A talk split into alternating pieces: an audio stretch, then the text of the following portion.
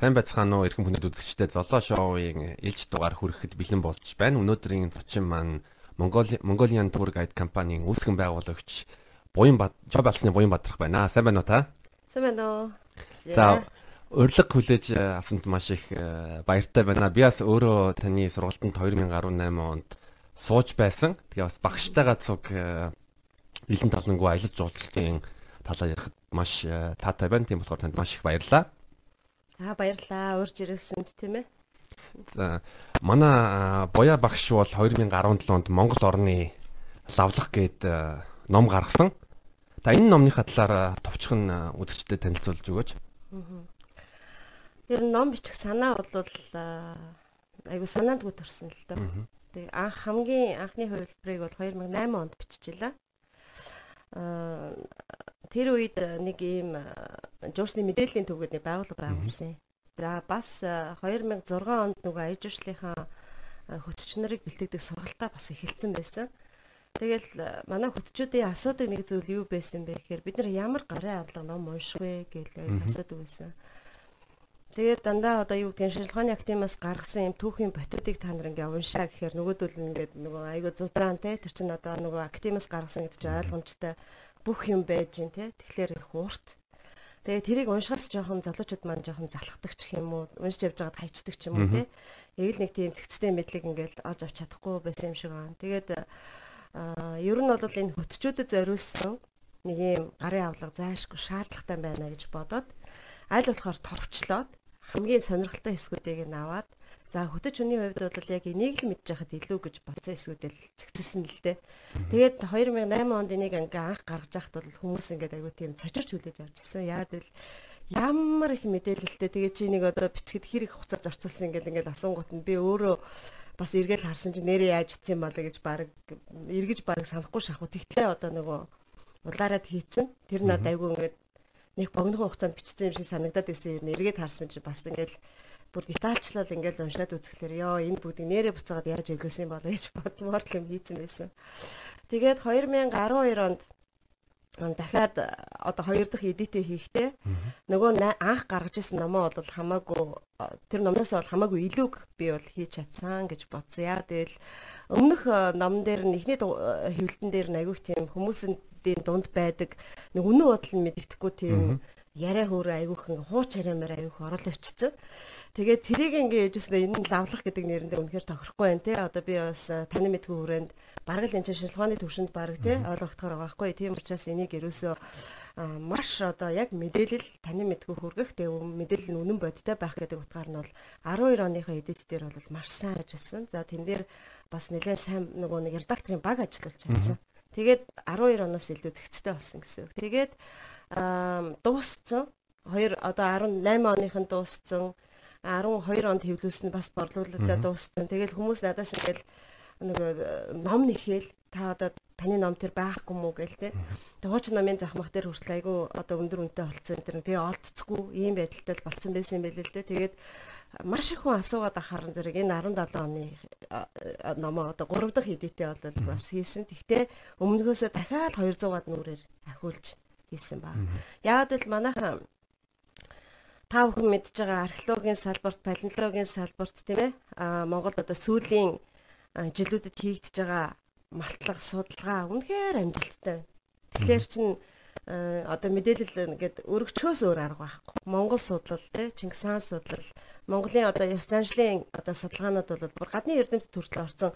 Өнөөдөр Японы эрдэмтэд ингээд Монголын одоо сүүг хүртэл судлаад адууны хомоол хүртэл ингээд судлаад ахаар чинь энэ бүх судалгааны материалуудыг чинь бас тодорхой хэмжээгээр тий дахиад тэрэн дээр нь ажиллаад дахиад номдоо тусахаас өөр арга байхгүй болж байгаа байхгүй. Тийм учраас нөгөө дахин гарах тоолонд бол 150-аас 200 300 хүртэл хуудасаар одоо тий нүүрээр ингээд нэмэгдэж ингэж л одоо бүтсэн ном байна. Зөв. Тэгэхээр нийт ер нь бүх эдитүүдийг тооцох юм бол хэдэн ширхэг ном хэвлэгдсэн бэ?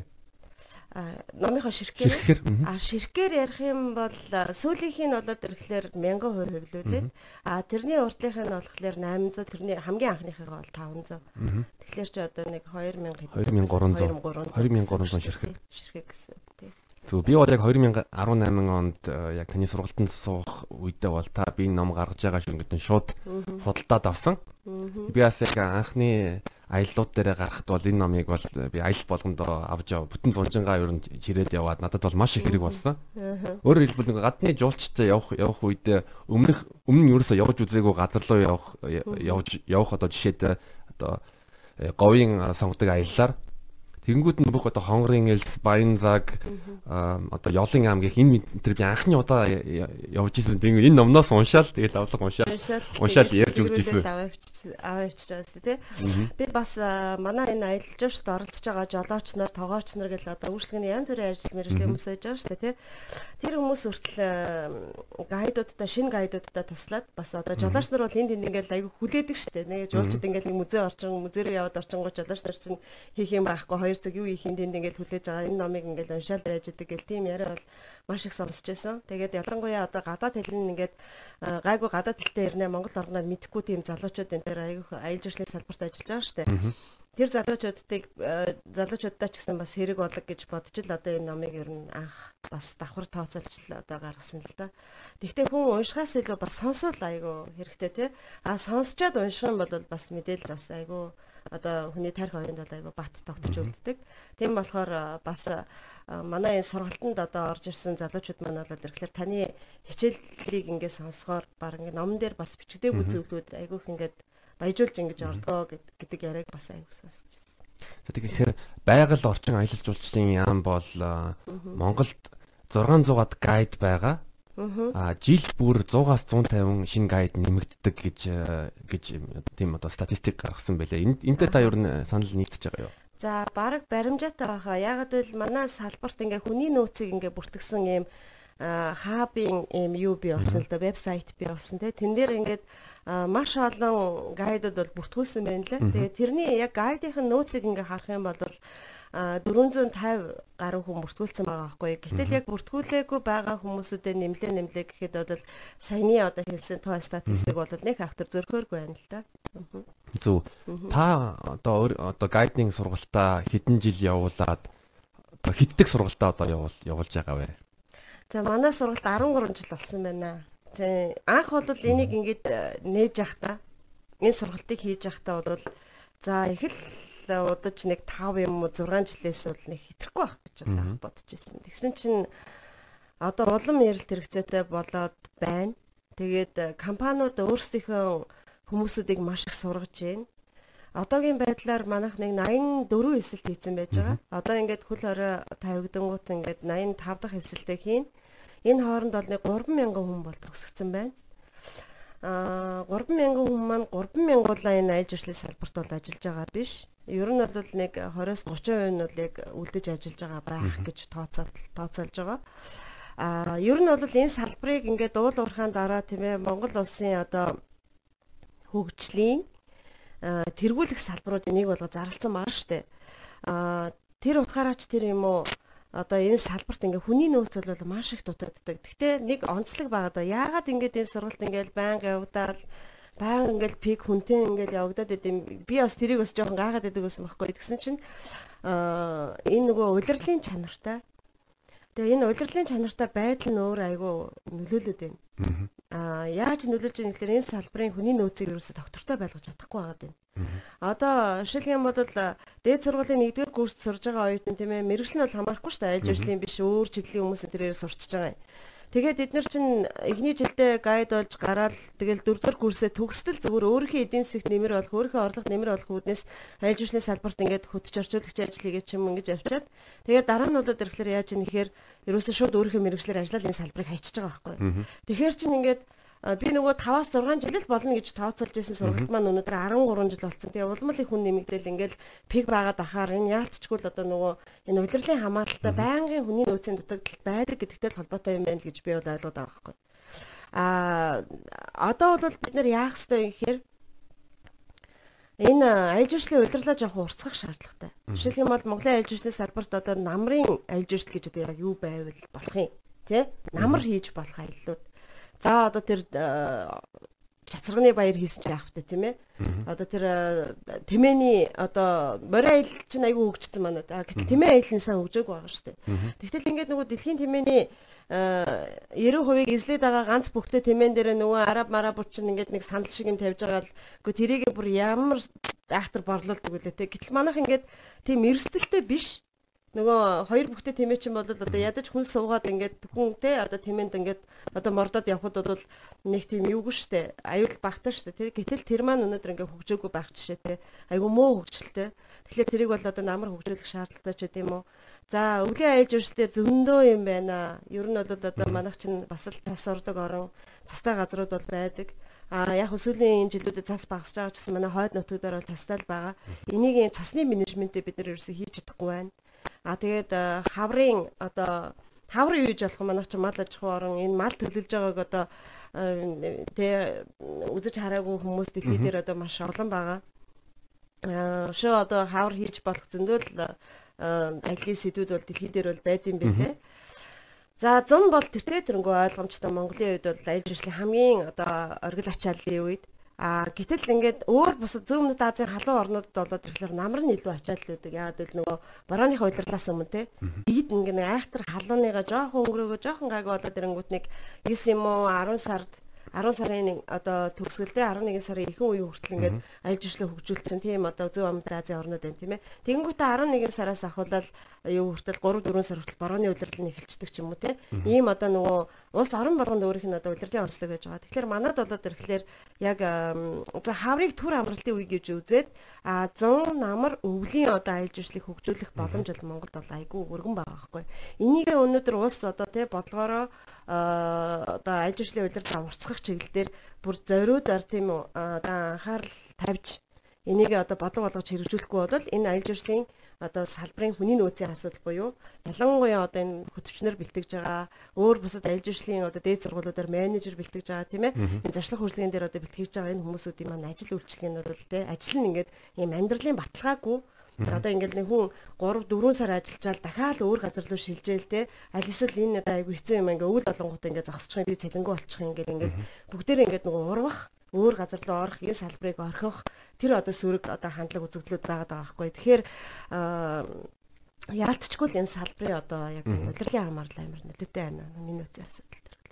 Зөв та тэгэхээр яг хэллээ одоо одоо аялын хүчийн салбарын нэг асуудал юм гэвэл хүний нөөцийн бодлого тэр нь бол одоо улирлын чанартай. Одоо манай улс ч юм аялын компаниуд зөвхөн зунаараа дагнаад тэнгууд нь хавар өвөл намрын хөтөлбөр бол маш маш цөөхөн байгаа. А би нэг статистик харлаа. Америкийн хөтжийн одоо дундаж жилийн дундаж жилийн орлого бол 24 мянган доллар юм байна. Аа би өөрөө Porsche төссөн болохоор Porsche бол ерөнхийдөө юуны аялал жуулчлалын хөтжийн цалин бол 1000-аас 2000 доллар байдаг юм байна. Юуны жилийнх нь үү сарынхан? Сарынхан. Сарынхан. Сарынхан. Аа. Тэгээ тийм болохоор одоо тасаа хэлээ. Гайдууд одоо жишээл улирлын чанартай болохоор эсвэл оюутан байх үедээ гайдаар хийнгүүтээ тийм болохоор энэ аялал жуулчлалын салбараа салбараа орхидог. Энэ бас бас цалинтай холбоотой юм. Ер нь Монголын Монголын гайдинг дундаж 3 сар ажил хийгээд ер нь дундаж орлого хэр байхгүй. За зуны 3 сард ингээд тасралтгүй ажиллахад бол одоо ингээд аж э, ахуйн салбарт ажиллаж байгаа хөтчүүдийн цалингийн хамгийн доотлын хэмжээ ер нь бол нэг 70-аас 80 мянган төгрөгөөр ярьж байгаа шүү дээ. Одоо яг англи хэлтэй хөтчүүдийн хувьд хамгийн доотлынх нь тийм ээ. За тэгэл э, ер нь дунджаар нэг сайн гайдууд бол нэг 100 мянгатай байна. 100 мянган төгрөг гэсэн үг шүү дээ англи хэлийг. За өөр бусад хэлнийх бол тэрнээс илүү ханштай л да. Одоо герман Франц хэлнийх ч юм уу те тэд нар бол одоо сайн гайдуудад бол нэг 100 өдрийн 100 мянгаас бол илүү байгаа. Тэгэхээр яг одоо бол хөтөч маш олон болцсон. Гэхдээ яг намайг эд хөтөч хийж явах үед болоод ирэхлээр би бол өглөө би чинь 4 сарын 10-аас ахуулаад 10 сарыг бараг тусал гайд хийждэг байсан шүү дээ. Тэгэхээр чин тэр үед болоод ирэхлээр бас урт байгааз.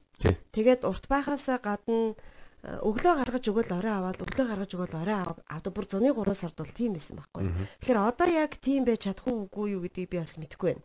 Ер нь тэгтээ тэр бол байхгүй болсон юм шиг байна. Зарим хөтчүүд сайн гайдуудын хувьд болоод ирэхлээр нэг ажлаас нөгөө ажлын хооронд ингээ гарч байгаа нь болохоор дундаа нэг зарим нь 3 хоногийн дараа 4 хоногийн дараа ч юм уу те гарч ах шиг байгаа. Тэгэхээр нөгөө тэр хугацааныхаа нөгөө нэг юунуудыг алдагдлуудыг ингээд бодоод үзэх юм бол яг зүгээр зуны 3 сараар нь тооцож л да тийм нэг сар нь одоо ингээд 30 хоногтой юм чинь нэг өдөртөө 100 мянгаыг олж нэхлээр 3 сая. За их л өсрөл 10 сая төгрөгийн л орлого байгаа зү тийм за эргээд одоо эндээсээ магадгүй юу яадаг бах нийгмийн даатгалын одоо төлбөр мөлбөр тийм хүн амын орлогын албан татвар энэ төр тэр бүгдийгээ бол бас төлж байгаа. Тэгвэл гайдад дээр болоод ирэхлээр бас нөгөө гарын мөнгө буюу одоо цайны мөнгө гэж одоо орлого бас давхар орж ирдэг. Ер нь бол энэнгээрээ л одоо манай залуучууд сургалтынхаа төлбөрийг хийж байгаа бах өөрсөндөө хэрэгтэй те өөр бус зүйлүүдийг бас аав ээжээсээ авахгүйгээр өөрсдөө болгоод ингээд явж байгаа одоо тийм залуучууд бол олон л байгаа л да. Ерөнхийдөө орлогын үед бол тийм ба. Аа түрүүний хэлдэг тэр дэлхийн одоо юу бол их өндөр. Яагаад гэвэл дөрвөн улирлын туршид аялал жуулчлалаа хөгжүүлсэн орнуудын хувьд бол бас арай өөрлөлтөө. Орлогын хувьд бол хамаагүй өндөр гарна.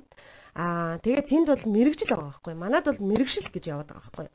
Хөтөч гэдгийг бол өнөөдөр яг мэрэгжлийн төвшөнд бэлтгэж байгаа сургууль бол байхгүй.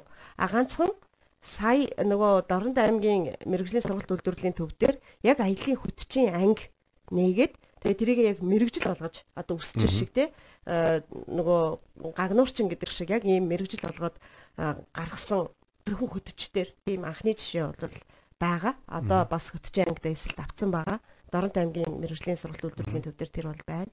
А бусад одоо юмнууд дээр ихтэй сургуулиуд дээр бол аялал жуулчлалын хөтчийн анги гэж байхгүй шүү дээ тусдаа. Тийм.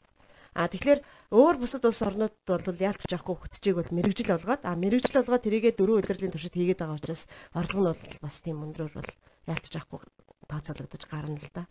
Зөв. Биднээс нэг бас би нэг аялал жуулчлалын ном уншиж байгаа. Тэгээ тэр ном номын зохиолч нь бол ингэж томьёолж байгаа юм. Аялал жуулчлалын салбар бол одоо аялал зардггүй.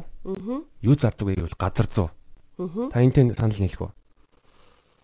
Одоо газар зүй ингээ байршил. Байршил зардаг гэж хэлж байгаа юм ба те. Гэхдээ нэмээд нэмээд хэлчих юм бол өөр юу өөр юу хэлмэ гэвэл яг аялал жуулчлалын компани гол зорилго зорилго бол одоо жуулчны хүслийг тэр очиж байгаа газрын нөөцтэй нь одоо хослуулах. Энэ төр та ер нь юу гэж бодож байна? Наад хоёр дахь өгүүлбэрчил байна л да. Яалтч аахгүй. Яг л э, хаана очих гэдэг нь бол яалтчгүй газар зүй зааж байгаа, газар зааж байгаа тийм ээ. За тэнд очиж яг юу хийх юм гэдэг чинь болоод ирэхлээр яг аялал жуулчлалын өөр хэн бүтээгдэхүүн болоод хувирна шүү дээ. А тэрнээс дан газар өөрөө бол тийм яг аялал жуулчлал гэсэн би даасан байж бол чадахгүй шүү дээ.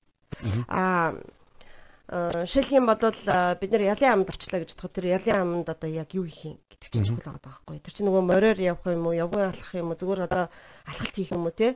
Аа тэгингээ байгалийн одоо гоо сайхныг үзэж харах гээд. Ер нь манай салбарт нэг ийм зовлон байгаад байна л да. Юу байна вэ гэхээр их олон хиллэг байгаад байгаа юм. За тусгай сонирхлын аялал жуулчлал гэж ярих юм. Адал явдалт аялал жуулчлал гэж ярих юм. Энэ хоёр нь нэг ойлголт юм уу? Хоорондоо ялгаатай юм уу? Тэгэнгүүтээ адал явдалт аялал жуулчлалыг спорт аялал жуулчлал гэж бас нэрлэдэг шүү дээ тий. Тэгэхээр манай энэ салбарын нэр томьёоны асуудал бол ерөөсөй цэгцрээгүй. А энийг одоо бид нар бас ялган салгаж ойлгомоор байгаа. Жишээлх юм бол юуны морин аялал гэдэг инх юм бол шууд зориод ирчихэж байгаа байхгүй. Өндөр уулын аялал гэж бас зориод ирж штэ. Тэрийгээ тусгай сонирхлын аяллаа өндөр ууланд авирахыг аялаад байна. Тэд нар чинь мэрэгжлийн хүмүүс ингээд авирч байгаа. А гэтэл адал явдалт аялал жуулчлал гэдэг дээр нь болоод ирэхлээр аль болохоор одоо нэг тийм богинохон хугацаанд ингээд тийм сэтгэлийн ийм огцом таашаал авах юмнууд руу сонирхол нь байгаа байхгүй. Одоо дүүжин гүрээр явж үздэг ч юм уу альс шүхэр мөртөө буудаг ч юм уу те. Нэг арай жоохон эрсэлтэй юм шиг. Гэхдээ тэр нөгөө өөрөө бол тэрнээсээ кайф авах. За нохон чаргыг болоод ирэхлээр манад болоод ирэхлээр одоо миний мэдж байгаагаар бол нэг 3 3 одоо байгууллага хөгжүүлж байгаа. За хоёрыг ингээ хараад ахтууд бол ямар ч ингээд нэг тийм жуулчны үйлчлэгээ гэдэг юм бол ерөөсөй байхгүй Тэгсэн мөртлөө одоо 20 минутын 90 мянга гэлтэй гадны жуулчинд бол тэгж байгаа. За дотоодын аялагчдад одоо хийдийн тэрнээс арай бага л баг. Гэхдээ угтаж авч байгаа юм маалга тэр мөнгөнд нь юу орсон мэдэгдэж байгаа юм маалга тэ хаяг адрес одоо тий хаяг самбар тэр зам мам мэдэгдэж байгаа юм маалга хоодлох газрын тогтчлт гэж юм маалга гадаа баргал зүгээр за та нарын өдрийн хоол гэж нэг савтай одоо нэг юм бэлэн хоолны савтаа шууд цовын авчирч өгөөл за ингээ хоол багтцсан шүү гэл те энэ өөр үйлчлэгээ биш байхгүй. А гэтэл ингээд яг нөгөө нохон чаргыг ингээд анх 2003 онд оруулж ирсэн тэр Жоул гэдэг хүн болоод ирэхлээр нохон чарганы аялыг яг утгаар нь хийдэг. Тэр нь бүр ингээ хамгийн багадаа 7 хоног Тэгээд тэрнээс дэшегээ бүр ингээд 13 4 хоногор хийж штэ. Гэтэ тэрийгээ бүр ингээд өвлийн аялал жуулчлал болгоод бүр ингээд хөгжүүлсэн. Тэр нь одоо ингээд байнгын хүнтэй бараг жилийн өмнө ингээд зарагдаад дуусдаг. Тэгтээ тэр хүн болоод ирэхлээр тэр одоо Монголын одоо хөвсгөлийн мөсөн дээр те тэрэлж голыг өгсөд ингээд 2 одоо 2 2 сараар ээлжлээд нэгсэндээ эхний 2 сард нь тэрэлж гол дээр хийгээд дараагийн 2 сард нь хөсгөл нууд дээр хийж байгаа байхгүй. Тэгээ тэрийг ингээ хийхдээ болоод ирэхлээр яг жинхэнэ нөгөө жуулчинд үйлчлэгээ болгож чадсан энэ отог дээр амарна. Тэр отгуудаа өөрөө хүртэл ингээд дандаа нөгөө ийм э, голын эрэг дагуу те ингээ айлтаа ингээд гэрээлээд тэгээ тэр айлдаа ч орлого өгөөд тэгээ энд хоогоо амраана. А эндээс энэ хүртлэгээ явна гэж тэрж голож бүр өсөөд дэшиг явчихж байгаа байхгүй жишээ. Энэ бол жинхэнэ аялал жуулчлалын үйлчлээ. А гэтэл нөгөө нэг э, хоёр маань болоод ирэхлээр яаж хийгээд байна вэхээр яг цэвэр нөгөө нэг одоо мөнгө олох зорилго агуулдаг байгаа уу гэж би бодод байгаа. Тэн дээр одоо өшөж жоохон үйлчлэх хэрэгтэй байна те. Өөрөөсөө одоо бас ингээ хүн харахад бол яг тэр аялал жуулчлалыг хөгжүүлээд байгаа юм шиг харагдаад байгаа хэрнээ аюу тийм одоо өөр бусад зүйлээ орхигдуулсан. Цэвэр ингээ мөнгө өгөө явцсан тий. Ийм маягаар одоо хийгээд байна уу гэж би бол анзаарч харсан. Бид нар өөрсдөө жуулчин ч явуулж туршиж үзлээ. А хөтчүүд ээч явуулж үзлээ. Тэгэл яг үнэхээр үйлчлэгийн ялгаа бол асар өндөр гарч ирж байгаа байхгүй. Тэгэхээр бид нар нөгөө нэг аялал жуулчлалынхаа одоо бүтээгдэхүүн гэдгийг бол ерөөсөө яг юу юм бэ гэдгийг бол олж харах хэрэгтэй л дээ. Энэ аялал жуулчлалын бүтээгдэхүүн буюу аяллаа маршрут зарна ямар нэгэн газар дээр жуулчныг авична гэдэг маань өөрөө болоод ирэхлээр энэ цэвэр бол үйлчлэгээ үйлчлэгээний соёлын асуудал асуудал шүү дээ. Энийг бид нар ингээд хамгийн түрүүнд ухамсарлаж ойлгохгүй бол зүгээр одоо энийг ингээд нэг тийм мөнгө олох хэрэгсэл болгоод ингэж одоо харж явах юм бол энэ салбар хизээч Монгол улсын одоо тэрвэлэх салбарууд энийг байж бол хизээч чадахгүй. Аа өнөөдөр ингэж маш олон хүмүүс ирж зөвлөгөө авдаг надаас. Тэг ингэж хэлээд байгаа байхгүй. Би 4 жилийн өмнө ингээд тур оператор компани байгуулсан юм аа. За та яагаад тэр компаниг байгуулсан гэхээр өө би одоо гадаадад олон жил болсон. Манай одоо би гадаадад маш олон найз нөхөдтэй. Тэгээ тэд нар маань Монголд аялыг гэсэн. Тэгэхээр зэрэг би ингээд тур оператор компани байгуулсан. За тэгээ нөгөө тур оператор компани байгуулад эхний 1 2 жилдээ манай найзууд бүгдээрээ ирээд аялцсан. Тэгээ одоо ингээд 3 дахь жилээс ингээд хэнийг авах вэ гэд ингээд одоо хүн хаагаад одоо яаж цаашаа хөгжүүлэх хэвтэй яах хэвтэй ингээд ингээд одоо загсан голчлоо. Тэр үедээ бид нар ингээд түрээсээ төлж чадчихсан ажилтаа цалинжуулж чадчихсан. Одоо болоод ирэхлээр би ингээд түрээсээ төлж чадахгүй байна те ажлуудаа цөөлцсөн одоо ингээд жуулчингүй болчлаа манайх. Одоо би яах вэ? Нэгэнт одоо тур оператор гэх компани байгуулсан. Одоо би яах вэ гэдэг ингээд ирж байгаа хүмүүс байна шүү дээ. Тэгэхээр бас ингэж ирсэн хүн байна. Тэрнээс гадна өөр бас юу ч хэлсэн бэ гэхээр би ингээд аялал жуулчлалын салбарт ингээд одоо салбарын талаар бол ямар ч ойлголт алга. Би бол барилгын салбарын хүн те. А гэтэл сүүлийн жилүүд ингээд барилга ингээд зогсчлоо.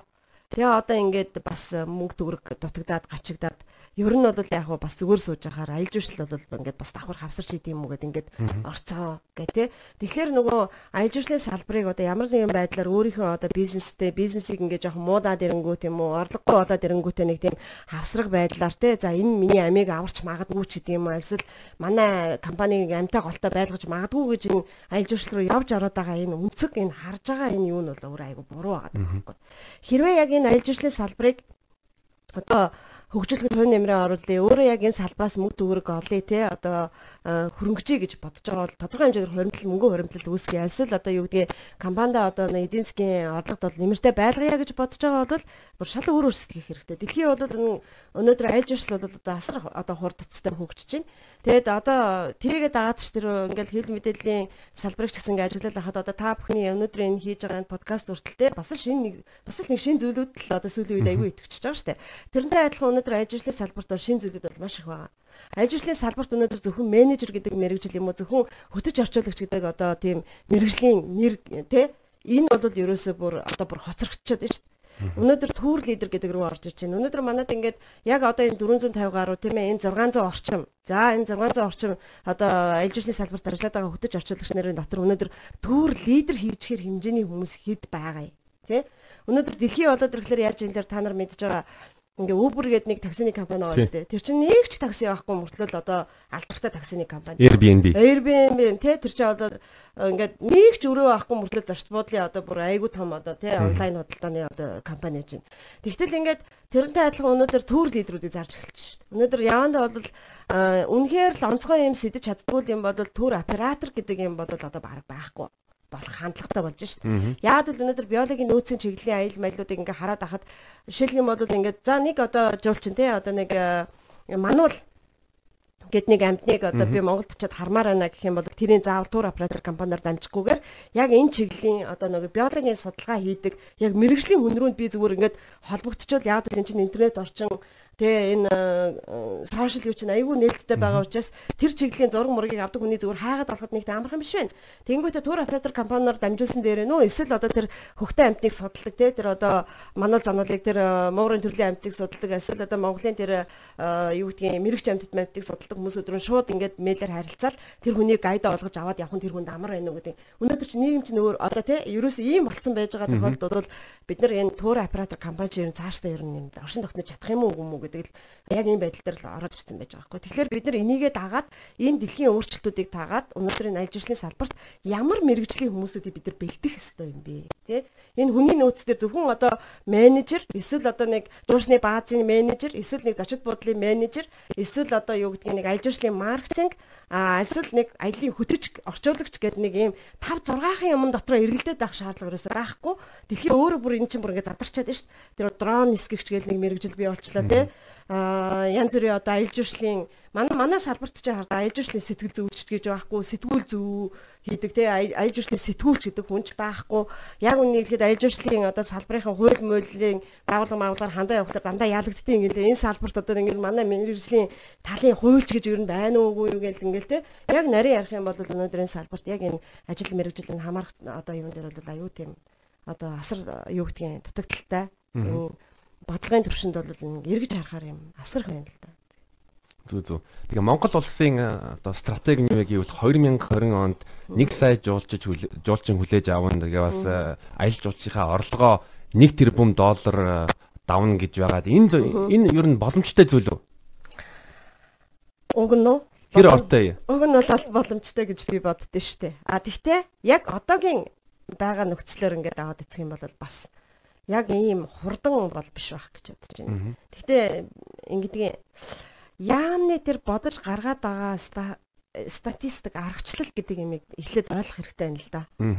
Яаж гаргаад байгаа юм бэ гэдэг те. Тэр 577262 жуулчин 2019 онд ирсэн гэдгийг ямар аргачлалаар те ямар одоо юугаар гаргах ч гэдэг юм аяг чухал байгаа байхгүй. За тэгээ асуухаар ингэж хэлээд ингэж хэлээд байгаа. Хил гайл дээр хилээр орж ирсэн хүмүүсүүдийн яг тэр нөгөө нэг бүртгэсэн юугаар нь гэж гаргадаг гэдэг байгаа байхгүй. Гэтэл жишээлх юм бол ихэнх хүмүүс яадын гэхээр нөгөө элдв янзын асуултанд ороогдохоос төгшөөгөөд би жишээлх юм бол гадагшаа энэ ингэж аялж маялахаараа шууд туризм гэдгийг таглаа ичдэг байхгүй. Одоо тэр нөгөө нэг орх гарах утсан дээр те тэр надад илүү амар байдаг байхгүй. Энэ аялах гэж ирж байгаа юм байна. А хэрвээ яг тэрийг албан ажиллаар гэх юм бол ингээл яг ямар байгууллага маагууллага хаана бууд ямар буудалд буух муух Тэгээд магадгүй зарим орон дээр бол өөр юм таглчих юм бол ингээд асуултууд нь дахиж 2 3 дахь асуултууд гарч ирээд байдаг байхгүй. Тийм учраас нөгөө хэл гайл дээр одоо туризм гэдэг юм чинь бол дэлхийгээр ингээд хэдэн одоо 1 тэрбум 300 Э, саяараа аялж штэ тий тэгж байгаа тохиолдолд бол тэдэрт хамгийн амар таглахад амар юм нь юу вэ нөхлөр нөгөө шууд туризмын амархан учраас тэрийг таглаждаг байхгүй. Тэгэхээр би магадгүй тэр нөлөөлөл бол би байгаа гэж бодод байна. Яагаад ингэж хэлээд байна нөхлөр жуурсны одоо би чи энэ салбарт баг 20 жил ажиллаж штэ. Тэгээд ингээ айгүй олон жуурсны баазын захирлыг танина тийм ээ. Айгүй олон тур оператор компани захирлуудыг танина. Тэдэртээ би ингээ мэдээлэл солилцдог асуудаг байхгүй. За танах одоо ингээд энэ жил буурвуу архив уу ямар шуухан байв тий. Тэнгүүтээ нөгөө жуурсны баазынхаа одоо нөгөө захирлуудаас Монголоос сонсож байгаа ш танах энэ жил ямар шохон байг вэ ингээд асуухаар яагаад 577 мянга хүрэхээр тоо бүр ингээд баримжаалагдаж ингээ асуултаас ингээд хүмүүсээс асуусан дүнгээ ингээ харахаар ерөөс тэгж нөгөө орж ирдэг. Тэгэхээр энэ тоо бол айгүй асуудалтай тоо. За тэгээд нөгөө 609 сая доллар. Тийм, сая доллар хуваагаад үзэхээр нөгөө нэг 577262 жуулчинд хуваая л да тий. Тэгээ хуваахаар нэг жуулчин дээр оногдож байгаа мөнгө нь ерөөсөө 1080 доллар байхгүй. 1000 1060 жилдээ 80 жилдээ гэж орж ирсэн. Тэгээд тэрийг ингээд аваад үзэх юм бол тэрийг ингээд за нэг жуулчин одоо юу гэдгийг нэг 5 хоног за хамгийн багадаа 5 хоног 7 хоног 10 хоног аялж байгаа гэд бодоод үзэх юм бол амар бага мөнгө гарна. Тэгэхээр манай аялал жуулчлалын салбар айгүй үнцэнгүй явж байна гэсэн үг. Тү одоо яагаад гэвэл нэг жуулчнаас ерөөсөө 1060 доллар харж аялал жуулчлал хөгжүүлнэ гэдэг чинь одоо юу гэсэн үг юм те. А тэгээ дээрэс нь зөвхөн хувааж үзгээр тийм аа. Гэтэл байгаль орчин аяж үрслийн яам болоод ирэхлээр тэрийг яаж бодсон тухайгаар ингээ хэлэхээр Япон жуулчны нөгөө нэг орж ирсэн тооны Япон жуулчны нэг хоног зарцуулж байгаа доллар болохоор одоо 240-с 260 доллар байдаг баггүй юу? гэж л тооцсон юм байна л да нөхдүүд болоод ирэхлээр. Гэвтэл өнөөдөр уучлаа бусын тэгээд яаж боцсон гэхээр бусаж жуулчдын талаар 135-аас 140 доллараар боцсон гэхээр хизээч Америк жуулчин ялангуяа те англи жуулчин энэ төр Япон жуулчнаас бага төлнө гэж байхгүй шүү. Би бас адилхан зэрэгцэх байхгүй. Би бас нэг юм асуух асуух гэсэн. Яг гэвэл манай яамны мэдээлэлээр бол одоо төр оператортай аялж байгаа нэг жуулчин 140-оос 240 өдөрт 140-оос 240 доллар зарцуулж байгаа. Энэ энэ тоо их юм уу бага юм уу? Ер нь дэлхийн дэлхийн стандарт юу ямар байдгийг. Аа. За ямар ч байсан нөгөө яг тур оператороор дамжиж ирж байгаа жуулчдын хувьд болоод ирэхлээр яг хамгийн өндөр үнийг төлдөг буюу ашигтай байдаг жуулчдын хувьд бол яалтч байхгүй а юу байгаа. Мм тэ Америк, Англи, Япон тэ ийм одоо орны жуулчд бол Э, Европын одоо тий баян орнуудын жуулчд Герман, Герман жуулчд бол юу ч 135-аас доошо орох үү тий доошо байна гэж бол байхгүй шүү дээ. Ингиж э, явж байгаа нөгөө тооцогдсон шүү дээ. А гэтэл нөгөө нэг өөргөштэй аялагчдын хувьд болоод ирэхлээр магадгүй 100 доллар авахгүй байгаа ахт. Би дэрийг бол бас э, үгүйсэхгүй байна. А тэгтээ ер нь бол ингээд нэг 130-аас нэг 130-аас 200 доллар гэж байгаа бол энэ ажлын салбар бол уналтанд орсон байна л гэж би хэлээ. Эдийн засгийн Тэ энэ бол ерөөсөө ашиг болоод байгаа биш байгаа байхгүй. Зүгээр л одоо тэ юу хийгээд байгаа те тэр тухайн компани дээр ашиг байна уугүй гэдээ баг эргэж харахаар тийм. Нөгөө компани нь нэг зүгээр л нэг хэсэг хугацаанд мөнгө эргэлдүү мөнгө мөнгө ингээ мөнгөний бараа хараад тэгэл трийгээ буцаагаал нөгөө жуурсны бааз юм мунда ингээл гаргаал бууд одоо тий хөтөч машин зашинда зараал цаана өөрт нь юм үлдэж гин үгүй юу гэдгийг зүгээр нэг бодлын нөгөө ур тормогоо авч хой тормогоо нөхж байгаа юм шиг тийм л дүр зураг харагдана гэхээс ш энэ дээр яг ашигтай ажиллаж чадж гэнэ гэдэг энэ бол айгүй асуудалтай. Би өөрөө одоо ингээ бүгдийн тооцоод энэ ямар өмнө байгааг бол мэдж байгаа шүү дээ бүгдээ тий. Тэг ингээ тооцоод үзэхэд бол энэ бол айгүй бага үзүүлэлт. Тэгээ ер нь Монгол улсад заавалчгүй одоо сая жуулчин авчих шаардлага байна уу? Ер нь үү? Ер нь. Гэхдээ жуулчин их авах тусмаа мэдээж хэрэг улс орны эдийн засгт бол ялангуяа энэ чинь гаднаас орж иж байгаа шууд одоо утаагүй тий одоо үйлдвэрлэл дээрээс нь экспорт үйл үзэгдэгч экспорт гэж одоо яригддаг салбар шүү дээ чинь өөрөө тий. Энд чи гаднаас орж иж байгаа манайх ч одоо ингээл бүх юмаа л гаднаас авдаг тийм үү. Гэтэл энэ дотор чи валют өөрөө ингэж орж ирнэ гэдэг энэ бол яалт жоохгүй хөгжүүлэх ёстой салбар. Дээрээс нь одоо жуулчны тооны хойноос хөөцөлдөх ёстой юу л ёстой. А гэхдээ тэрийг хөөцөлдөхтэй болоод ирэхлээр энэ одоо уул үндэс суур тийм ээ энэ хөтөлбөр бодлого энэ хүний нөөцийн асуудал нүрслэгийн чанар энэ бүх юмаа бүгдийг нь одоо нөгөө өөрсдийнхээ одоогийн байгаа нөхцөлдөө дүгнэлтээ хийгээд шинжилгээгээ хийгээд судалгаагаа эхлэх хийх хэрэгтэй тий. Судалгаагаа хийгээд шинжилгээгээ хийгээд тэн дээрээсээ гаргалгаануудаа гаргаад тэгээд гаргасан гаргалгаануудаа яамаараа дамжуулаад эн чинь төр засгаараа шийдвүлээ. Тэгээ хөрөнгө мөнгөө татаад ингээд нэгэсэндээ одоо эн чинь өөрийнх нь нэг хөгжлийнх нь альва юмны чинь хөгжлийн нэг юм процесс одоо үе шат гэж нэг байгаа шүү дээ тий. Тэр юмар нь ингээ хийхгүй байгаа нь өнөөдөр хамгийн том эмгэнэл байгаа даа байхгүй юу? Хамгийн том асуудал болоод байгаа байхгүй? Аа Тэгжиж бид нар чи энийг чинь одоо юу болгоно шүү дээ. Өнөөдөр би бодоол манай Монгол оронд аялах талаар Монгол орны жуулчлалын талаар ойлголт авъя гэж байгаа гайд бүкүүд тэр номнууд гадаад тал дээр гарч байгаа тэр номнуудын өнөөдөр хэн бичсэн бэ гэдээ ингээд аваад үзэхээр Монгол хүний бичсэн ном баг байхгүй. Баг 99%. Дандаа одоо гадны хүмүүс нь бичсэн юм байдаг. Тэгээд эдгээр гадаад хүний өнцгөр хараад бичсэн юмыг нөгөө нэг жуулчид чинь аваад орж иж байгаа шүү дээ. Тэгэнгүүтээ Монгол оронд бол айгүй хямдхан аялж болох юм шиг ойлголттой мөнгө төлөхгүй бай явж болох юм шиг ойлголттой. Монголчууд айгүй зочломтгой нэг айлд ингээд нэг жоохон ас хол байж байгаа айлд яваад орох юм бол зүгээр бараг л ингээд маа гэж одоо хоолонд хийгээд өгнө. Та бол зүгээр ингээд ийм найрсаг зочломтгой ард ийм оронд айч одоо явж байгаа аялж байгаа танаас бараг зардал гарахгүй гэд бичээд ахаар чинь тэр хүмүүс чинь тэгэл ойлгочихж байгаа шүү дээ автгаа тий. Тэгэхээр бид нар бол гадны жуулчдаас бол авч үлдэх юм а одоо бүрэн гүцэд авч үлдэж чадахгүй байх гэж бол бодож байгаа юм. А өнөөдөр ноолуур одоо ноолуур шүү дээ тийм ингээд Монголын Монголд ирж байгаа жуулчдын одоо худалдаж авдаг бүтээгдэхүүнүүд дотор тийм ээ ноолуур бол айгүй том байр суурьтай. Гэтэл ноолуурынх нь орлого нь тэр 609 сая дотор чинь ордгүй.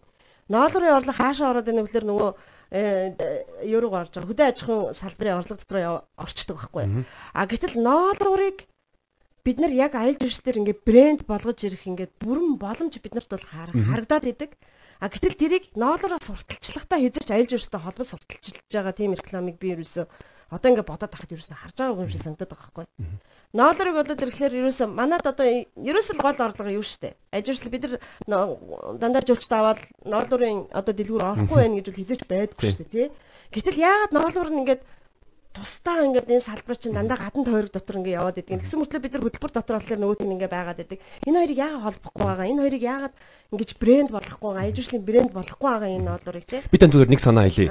Одоо Франц руу явангууд чинь Францууд чинь одоо виноны вино үйлдвэрлэлийн холбоотой ингээд төрүүд түүнтэй адилхан одоо хавар жишээлбэл юу боломжтой гэвэл одоо ямаа яаж саманд үгээ тийм одоо ямааны ноолуурын аялал хийх боломж бүрэн боломжтой шүү дээ. Тэгээ говьроо аваад яваад ер нь саяхан одоо пита номинжин одоо ямаг зовоод ингэж баахан баахан одоо шуугсан. А түүнтэй холбоотой Монгол улс давхар маркетинг став гэдэг одоо ямаг яаж самдаг вэ?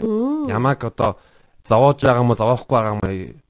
Тийм реклам хийгээд бас давхар одоо ноолуурын ноолуурын аялал хийх боломжтой шүү дээ хавар. Би бол номинжингийн тэрийг болоод ирэхлээр би бодож үзэх хэрэгтэй гэж бодож байгаа. Ерөөсө тэр бол нэг буруу сэдв бол хөндөөгүй. Яг үнэндээ бол манайхын нэг тийм ийм юм яриад байгаа байхгүй бид нар хэдэн мянган жилийн туршдал ингээл малаа малалж амьдэрсэн ингээл ямаагаа ойрлуулаад чарлуулаад санаал ирсэн болж л байна болох хэвээр цаашдаа чи юм байх хэвээр гэдэг би энийг юусоо ойлгохгүй байгаа байхгүй За тэр энэ бол ганцхан ямаа ойрлуулах асуудал биш л дээ тий. Ер нь бол бид нар одоо хаашаа 13 дугаар зууныхаа үеэр амьдрах гээд байгаа юм уу?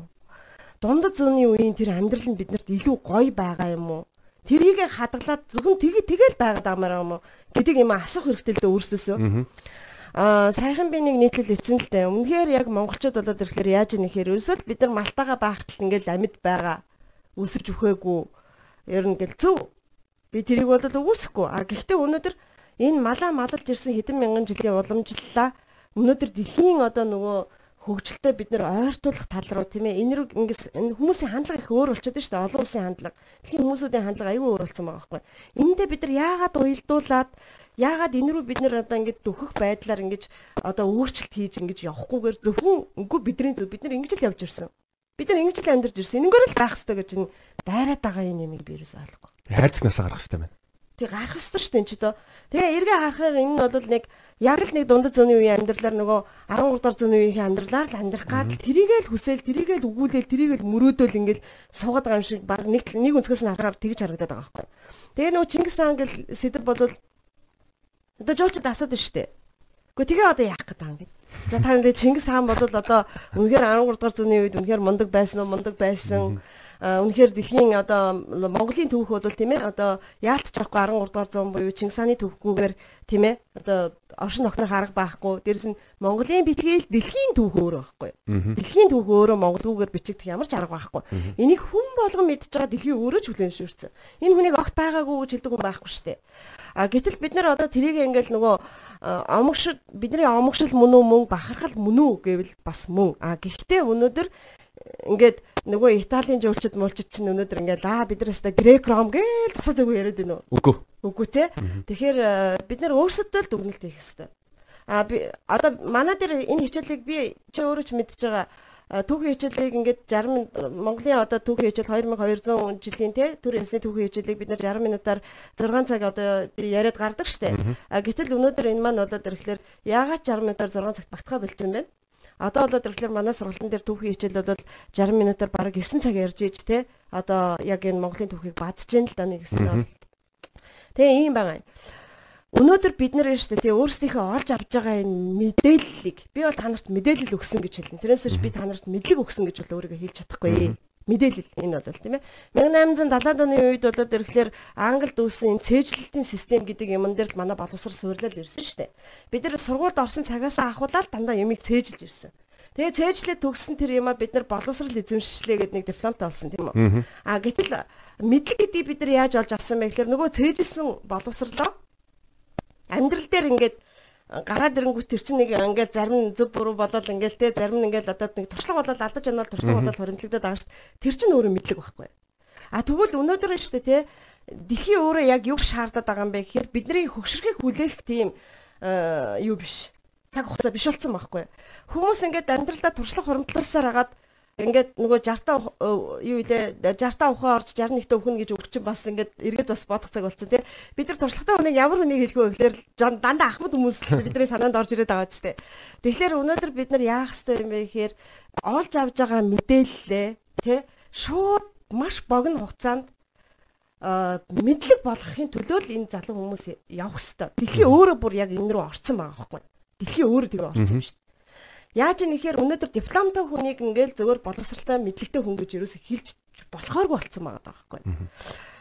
Аа шилх юм бол чи санаж байгаа би ингээд түүх хичээл дээр ингээд та нарт ингэж хэлж ирсэн. Ховлаа хаан 1281 онд тийм ээ 4400 хөлөг онгоц хийгээд 144 мянган одоо цэрэг босгоод тий Япон руу довтлогоо хийгээд тэр нь амжилтгүй болсон тий За тэгээ амжилтгүй болоод ингээд нэг л өдөр ингээд нөгөө камиказе гэдэг тий одоо далаа шуургаар тэр ингээд Монголын флот ингээд байхгүй болцсон тийм үү? Цунами.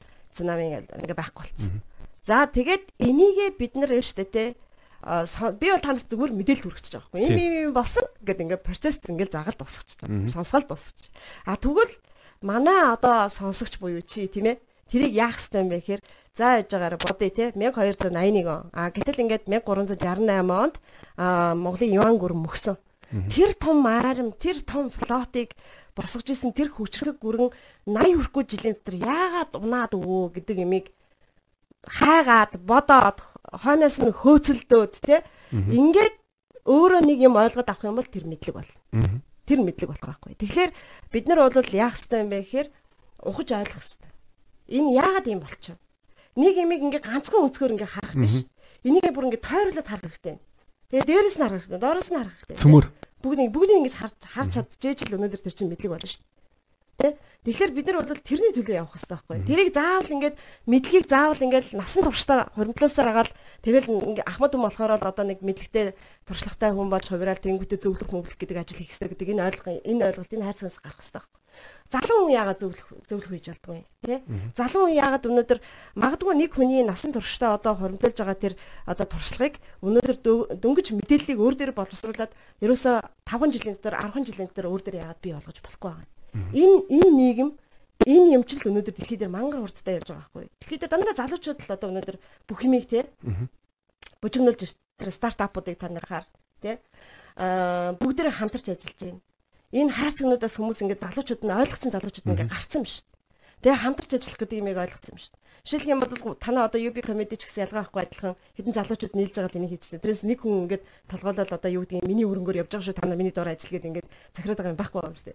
Тэгэхээр нөгөө нэг ийм одоо юу гэдгийг аа хүмүүс бол ерөөсөө л одоо тэр ган жахлангийн тэр юу байна те одоо ажил хийж байгаа арга барил энэ тэр ингээ юмнууд ингээ хараад ахтаа бол эдгээр ч юм болоод ирэхээр ойлгоцсон байгаа байхгүй ойлгоцсон юм шүү дээ нөгөө мэдээллийг мэдлэг болгоно гэдгийг ойлгоцсон яваад байгаа байхгүй Зөвхөн Монголд иймэрхүү одоо залуучдын гоё жишээнүүд бол бай. А дэлхий дээр бол бүр илүү супер жишээнүүд байгаа шүү дээ тийм ээ.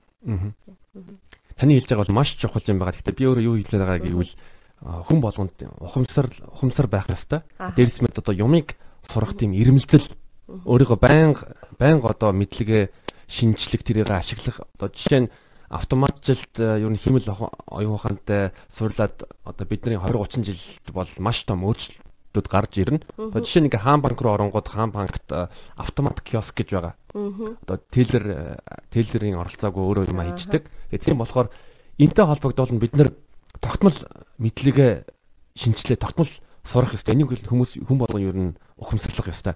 Тийм шүү дээ. Ер нь бол бид нар олж авч байгаа мэдээллээр мэдлэг болгох тал руу бид нар явах ёстой. Одоо мэдээлэл бол ингээ хүмүүс ингээд юу яагаад байна л да мэдээлэл чинь баг ингээд нэг мэдээллийг ингээ авахаар ингээд айгу тийм сэтгэл хөдлөлүүд үүсэж байгаа шүү дээ тий.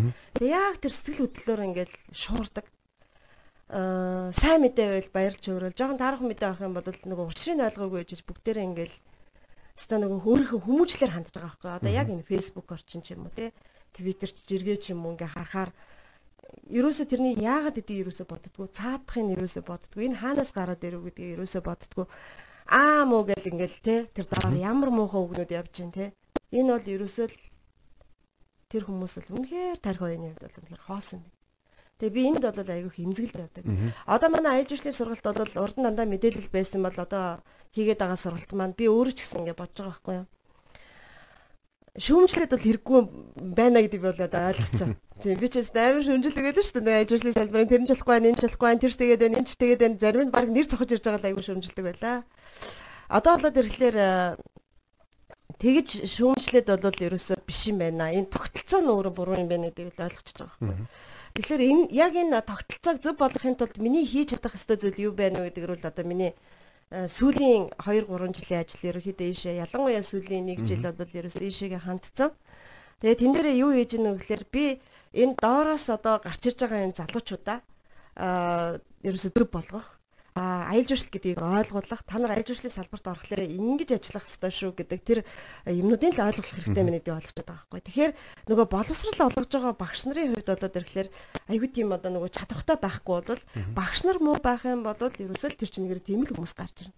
Тэгэхээр өөрийгөө өөрчлөх хэрэгтэй мэнэ гэж бодсон. Тэгээ би өөрийгөө өөрчлөх тал руу бол маш их хичээж байгаа. Ер нь бол яг зөвөр сүүлийн үед бол боловсрал олгож байгаа багшийн арталт тийм ээ. Өнөөдөр 3000 хүн ингээд манай сургалтанд ингээд орж ирээ сураад төгссөн байна шүү дээ. Тэгээ одоо болоод ирэхлээр миний нөгөө нэг 5 жилийн өмнө байсан, 10 жилийн өмнө байсан, магадгүй 2 жилийн өмнө, 3 жилийн өмнө байсан Буян Бадрах бол одоо ингээд э, арай өөр одоо болж байгаа болов гэж би зүгээр өөртөө найдаж байна. Ягаад гэвэл сүүлийн 1 жил, 2 жил бол ерөөсөө яг мэдээлэлээ яаж мэдлэг болгох уу гэдэг рүү өөрөө чих анхаарал тавилаа. Дээрэс нь сургалтанд маань ингээд манай үсгийн салбарын одоо маш олон компаниуд те надтай нэг хахтар шууд харилцаад авахгүй ч гэсэн нөгөө компаниуд чи юу гэж хэлдэг юм? Тэр буян бадрахын сургалтанд очиж сураад ир тэгвэл би чамайг ажил таавна гэд ингээд явуулцдаг болсон байна л да. Тэгээ ийм итийн юмнууд ингээд сонсоод ирэнгүүтээ би чи айж эхэлж байгаа байхгүй. Одоо яана энэ хүмүүс нэмээ надад ингээд найдаж гин итгэж гин энэ салбарын одоо брэнд сургалт гэж хүлээн зөвшөөрж гин а буян бадрахын одоо сургалтыг төгсөөд ирэх юм бол одоо чамайг ажилд авна гэдэг чинь тэр чинь айгүй том баталгааны өгүүлбэр шүү дээ тий.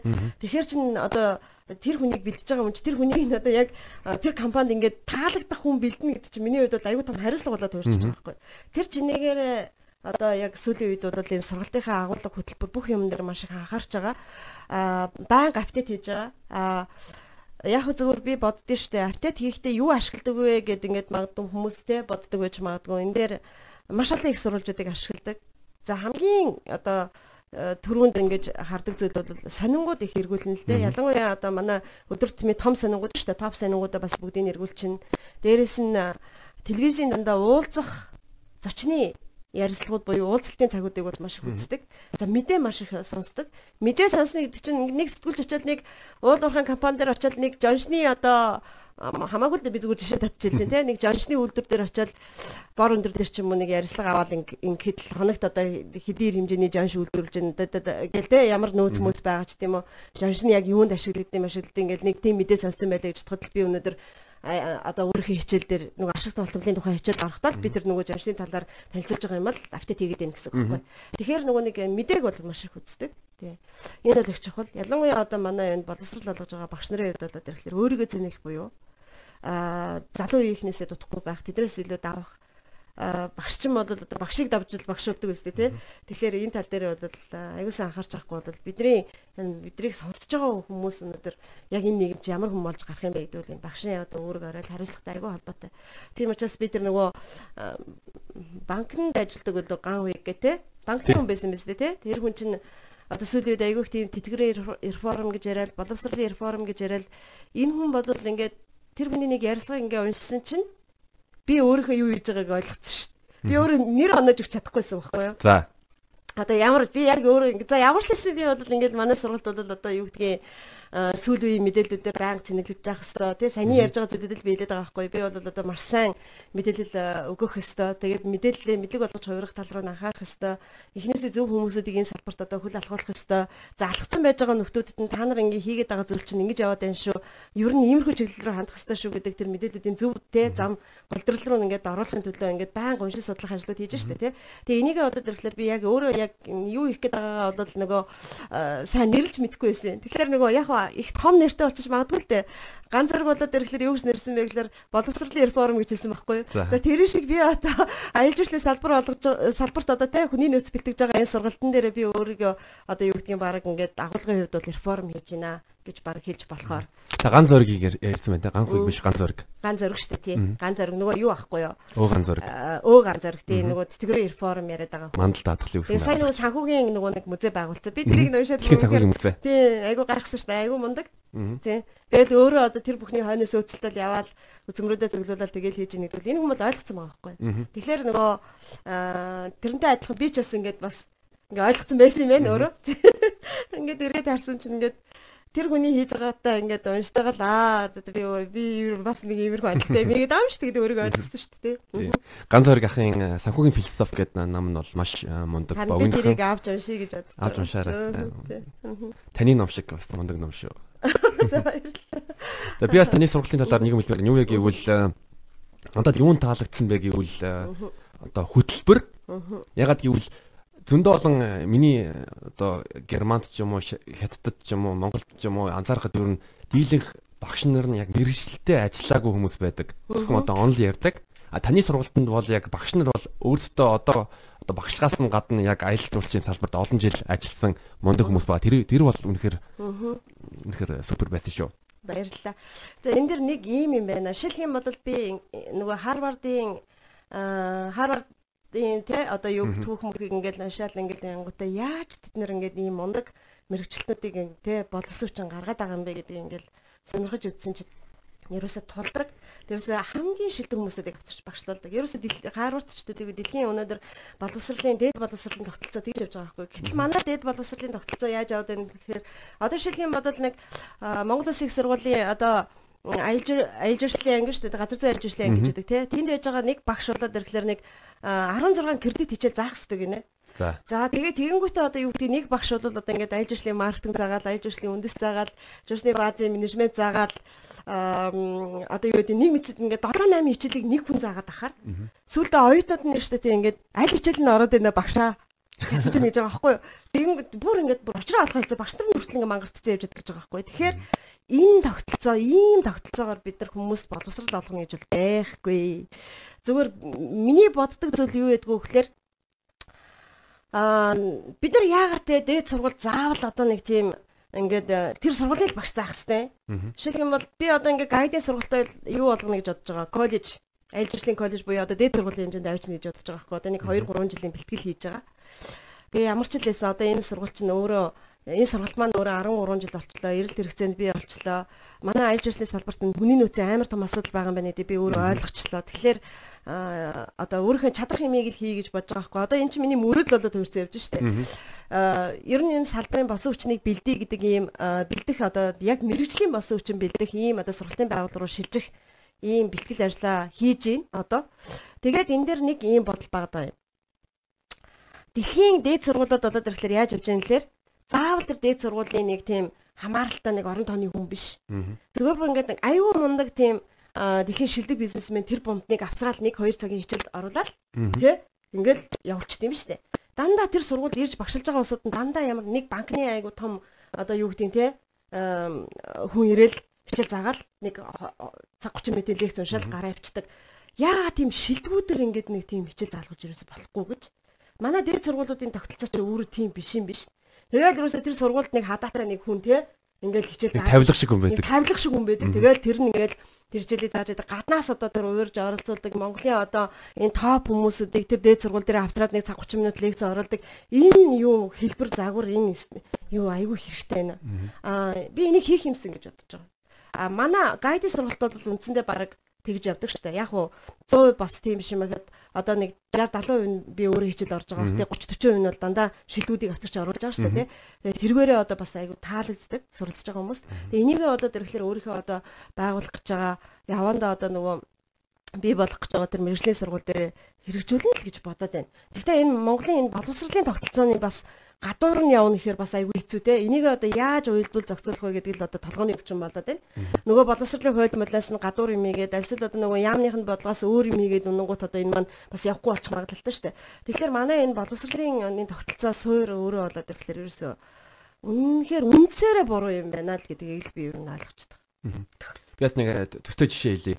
Аа миний нэг таньдаг э, багш багш байдаг мундаг одоо маркетинг чиглэлээр олон жил э, ажилласан, Америкт, Монголд ажилласан, Америкт бас маркетинг чиглэлээр их сургуулаа төгсөөд бас American Whole Foods компанид захирлаар ажиллаж исэн. Тэр хүн маркетингийн суур мэдлэгийн 3 сарын сургалт хийж байгаа. Тэгээ тэр сургалтанд 3 сар сураад миний бодлоор бол би өөрөө тэр сургалтыг төгссөн. 3 сар манай Батчаргал багшийн сургалтанд 3 сар суугаад ер нь 4 жил бакалаврын бакалавр бакалавр сурах дүүж бүр түүнээс илүү мэдлэг өгж байгаа юм бол миний миний хувьд бол. Тэр юм яг гэвэл юу бас боловсролын систем 4 жил ингээд хүн цаг алдж ирснаас яг жинхэнэ мэдлэг сурмаар байвал нэг 3 сар одоо яг таны сургалтанд одоо заавалчгүй аялал жуулчд 3 4 жил сурах сурах шаардлагагүй. Тэгээ таны 3 сарын сургалтанд суугаад шууд одоо аялын хүчээр ажиллах боломжтой байгаа. Аа тий яг ингээд ингэж үнсэнд баярлалаа. Аа ер нь бол аялал жуулчлалынхаа сургалтыг зөвхөн хөтөж гэж харж чаддгүй шүү дээ би. Сүүлийн үед бол яаж харж байгаа гэхээр олон жил ингээд 10 хэдэн жил гайд хийсэн хүн тий хөтөж орчуулагч хийсэн хүн хүртэл манай сургалтын дээр суучаад ингээ гайхаад өөрийнхөө одоо ажлыг ингээд тий дутуу хагас сэдгээ ойлгоод ч юм уу мэдлэг юм хүм дутуу байгаа ойлгоод гардаг. Аа ерөнхийдөө бол манайхыг төгссөн төгсөгчд дотроос би бол нэг тийм сэтгэл хангалуун бус байсан юмыг бол нэг яг хөө жишээ байгаа л ахaltaй 3000 хүн дотор ч одоо баг 200 нь бол магадгүй одоо муулжиж болох юм. За нэг 2800 нь ямар ч л сэтгэл хангалуун гарсан байх гэж би бодод байгаа. Гэхдээ зарим хүмүүс болоод ирэхлээр заавал намайг нэг ажлын байртаа болгочих юм шиг хандаад байдаг те. Гэтэл үнэхээр өөрөө тэр ажлын байрандаа тэнцэхгүй тийм хүмүүс байгаа шүү дээ. Ямар ч хэлний мэдлэггүй орж ирчээд ажилд оруулж өгсөнгүүгээд ингээд зүтгэжсэн үнийг хүртэл би мэдчихэв. Тэгээ би өөр гайхаад аялал жуулчлалын салбарт энэ гадаад хэлний зайлшгүй шаардлагатай юу шүү дээ салбар шүү дээ тий. Тэгээд ингээд зөвхөн аялал жуулт гэж ингэж харахгүйгээр өөр бусад хүмүүсүүдийн сэтгэл маш их байдаг л да.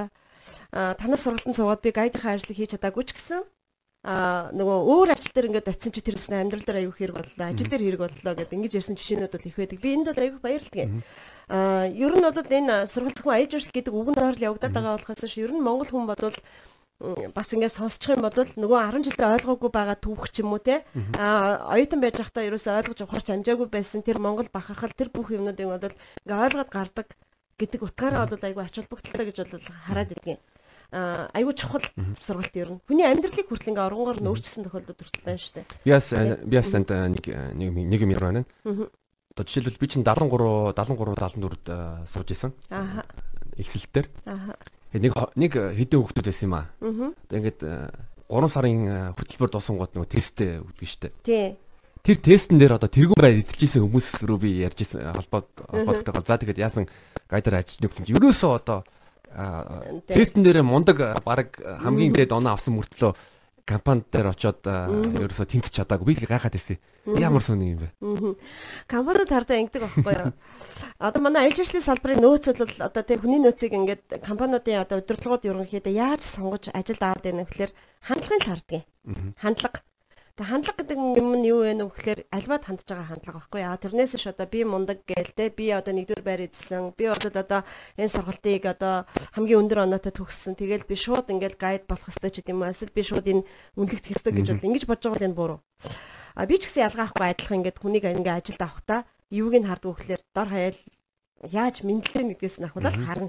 Ер нь бол хэлэхгүй шүү дээ. Зарим нь бол хэлэхгүй шүү дээ. Зүгээр л энэ хүний бие авч явж байгаа байдал тэгээ суучаад ширээний ард суучаад ярилцаж хөөрчөөд гарахтаа тэр сандлаад түлхэж гин үгүй тэр чигээр нь хаяад гараа явчих гин үгүй ингээл наацх айгүй олон юм ин захирлаа зүгээр ингийн юм нюансууд. Тийм.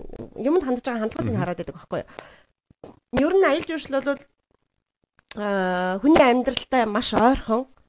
А гэрте хийж байгаа бүх үйлдэлийг гэрте хийж байгаа бүх үйлдэлийг аялал жуулчлалаар бас хийж идэг. Жишээлх юм бол одоо кофе өөртөө найруулад уун штэ тий тэрийг яг л жуулчинд кофе найруулаад өгдөг Аа бид нэр одоо ингээд нэг газар одоо очиод байж байхдаа жишээлх юм бол ор дэр хураах ч юм ачаа тийшээ янзлах ч юм уу те энэ бүх юм чинь гэртээ хийдэг л үйлдэл байхгүй ерөөсөө. Тэгэхээр тэр хүний хүмүүжлийг нь хараад ийн гэсэн үг шүү дээ. Энэ хүн альва юмд яаж хандж байна гэдэг тэр хандлага нь л ерөөсөө яалчихгүй ажлын байртай болгоод би бас заримдаа гайхдаг юм. Манай сургалтыг ингээд нөгөө айгүй муу төгссөн одоо юу гэдгийг ингээд оноо багтаа төгссөн А тэгээ ингээ харахаар за энэ гайд бол чадах болоо яах бол гэл ингээ бодж итл нөгөөт нь бүр ийм хар бур амьдралд ингээ сурцсан те айгүй тийм хандлага зөв тэгэл юмд айгүй тийм сэтгэлээр ханддаг. Яж жахан шал угаахт өөртөл мөтөд уучдаг болохоор магадгүй тэрийг бодоод ажилд авчдаг байж магадгүй шүү дээ. Хүний өөрийн л хандлага байхгүй тэр ерөөсөө А тэрийг л хардаг. А тэрнээс шичнээн мянга мундаг байгаад өнөөдөр ингээл хүний өдөөс хар сууж байхдаа ингээл нэг түг таг нэг амар их цантай тий ингээл харвас ингээл нэг тийм пэдгэр маягийн харилцаад ах юм бол тэр хүний хизээч ажилд авъя гэж бол ямар ч хүн бодохгүй л тий. Энэ бол одоо бол хардаа нөгөө сэтгэл зүгээ өөрчлөе, хандлага өөрчлөе гэж яриад байгаа ч юм даа байхгүй. Өнөөдөр нөгөө би түрүү хэлжсэн 1870-ад оны үеийн тэр нөгөө Англид үүсэн цэвэрлэлтийн тий одоо нөгөө боловсролын систем төр чинь л ерөөсөө дэлхий явсаар байгаа сая 1970 онтой залгуулаа тий. Тэгээд 80-аад оноос хойш дэлхийн хандлага ямар мөр орж ирсэн бэ гэхээр нөгөө сэтгэл зүй рүү ороод ирсэн байхгүй. Сэтгэл одоо зүй дээр суурилсан боловсрол гэдэг юмруу ороод ирсэн. Жишээлх юм бол нэг сургууль дээр нэг олимпиадад төрүүлсэн хүүхэд байлаа гэж бодоход тэр олимпиадад төрүүлсэн хүүхэд өнөөдөр одоо сургуулийн нөгөө нэг одоо од болоод тэг хүн болгон мэдээл одоо тэр айгу мундаг мундаг гэл энэ нэстэ гавл толгойтой гэл ингээл яриад тэрийг ингээд сургууль даяар мэддэг болчихж штэ тий. А гэтэл одоо магадгүй хичээлээ таслаад яваад байдаг нэг хүүхэд одоо юу гэдгийг цаана нэг хичээлээ таслах шалтгаантай байж болно шүү дээ. Хин нэгэн одоо ядуу зэдүү амьдралтай нэг өвөө эмээ хоёрт ч юм уу туслаад гэр мөрийг очиж угааж цэвэрлээд ч юм ингэж байгаа тэр одоо тийм хандлага гаргаж байгаа тэр хүүхд яагаад сургууль яваад байж болдгоо юм жишээ тий. Тэр сайхан сэтгэлээрээ ч юм уу эсвэл хүн тусалснараа ч юм уу тий. Манай нэг хандлага болоод нөгөө хандлага өөрчлөе гэдэг чинь энэ байхгүй. Ерөөсө бид нар ингээд нэг тийм одоо юм болгон төрүүлсэн, альсэл одоо хамгийн өндөр оноо авсан, айгүй мундаг төгссөн, онц төгссөн альсэл одоо нэг олимпиадад төрүүлсэн альсэл нэг тэмцээн уралдаанд 1 2 3 дугаар байр эзэлсэн хүмүүсүүдийг бид нар айгүй мундаг гэж хараад байдаг энэ хандлага чи өөр буруу байхгүй. Дэлхийн өөрөө энийг чинь одоо буруу байна гэдгийг хэлээд байна шүү дээ тий. Айгүй олон жишээн дээр хэлж байна. Тэгэхээр энэ хүмүүсүүдийг энэ уралдуулдаг одоо сошиал орчинд ярьж байгаа энэ хүүхдийг энэ багаас нь ингэж айгүй тийм нэр дүрэн дуртай болоод маш их тийм одоо нэг юмд ингээл заавал нэг юм өгдөг тий. Тэр нэг юм өргөмжлөл мөргөмжлөл гэдэг нэртэй заавал нэг хаанаас ч юм ингээд дэлгүүрт ороод худалдаад авдаг баахан медаль Тэр ямар шаардлагатай юм тийм. Энэ энэ төр бол ерөөсөө аюу тийм буруу хандлага. Тэгэл ерөөсөө монголчуудын нөгөө л нэг эртээр үеэс ахуулаад байсан нөгөө нэр төрн дуртай ямар нэгэн байдлаар олонний дунд ингээл нэг магтуулах дуртай. Тэр юм чинь л одоо биднээс ерөөс салахгүй л ингээл зовралдаад бидний амьдралд эргэл харахад манай нийгэмд бол аюу юм сөр гай болол яваад байгаа байхгүй. Бид нар энээсээ салах хэрэгтэй л тийм. Таны хэлж байгаа энэ талаар бүр ном байгаа Carol Dweck гэдэг Америк сэтгэл зүйч хандлага юуны хандлагын хүч гэдэг the power the power of attitude гэдэг ном ном байгаа. Тэрэн дээр ер нь бол хоёр томьёо байгаа. Нэр нь бол одоо хаалттай хандлага. Одоо тий чи мундаг юм байна. Чи үнэхээр супер шүү. Чи хамгийн сайн гэж э, эцэг эхчүүд хүүхдтэй хэлдэг. А нөгөө талаар одоо чи маш их э, хичээсэн байна. Тэгээд энийг бол өсөлтийн хандлага. Тэгээ бас хүн болгон э, юу бос хүмүүстэйгээ одоо харьцуул өөрсдөө өөрийгөө бос хүмүүстэй харьцуулахгүй харин одоо за би өнгөрсөн жил ямар байсан бэ? За энэ жил би өнгөрсөн жилээс өөрөөсөө илүү байхыг хичээе. Өдөр болгон өдөр болгон хичээжээ, хичээе. Сурыг. Юу нэ хийж байгаа хөдөлмөрлийг нь үнэлэх түүнээс бол хүн хүн гэдэг утгаар нь чи үнэхээр мундаг шүү гэж хэлэхгүй зүгээр а чи маш олон цаг зарцуулаад маш мундаг ажилласан байна гэж хэлвэл арай өөр байдаг. Тийм шүү дээ. Наад ч юм байхгүй юу. Чи мэдчихэж шүү манай англи хэлний сургалт яаж явагддаг тий. Манай их жаргал авшиг мэдчихэж байгаа тий. Их жаргал авшиг би ингэдэг байхгүй. За энэ одоо залуучууд За жишээлбэл бол тэр одоо хүүхдүүд бол тэр хоёртон бодвол айгүй сайн шүү дээ бие явах шиг л одоо тэгдэг те.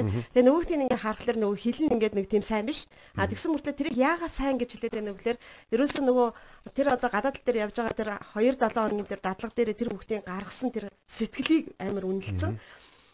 За энэ хүүхдүүд бол яг энэ чигээр явах юм бол энэ бол өстой жинхэнэ гайд болж чадна.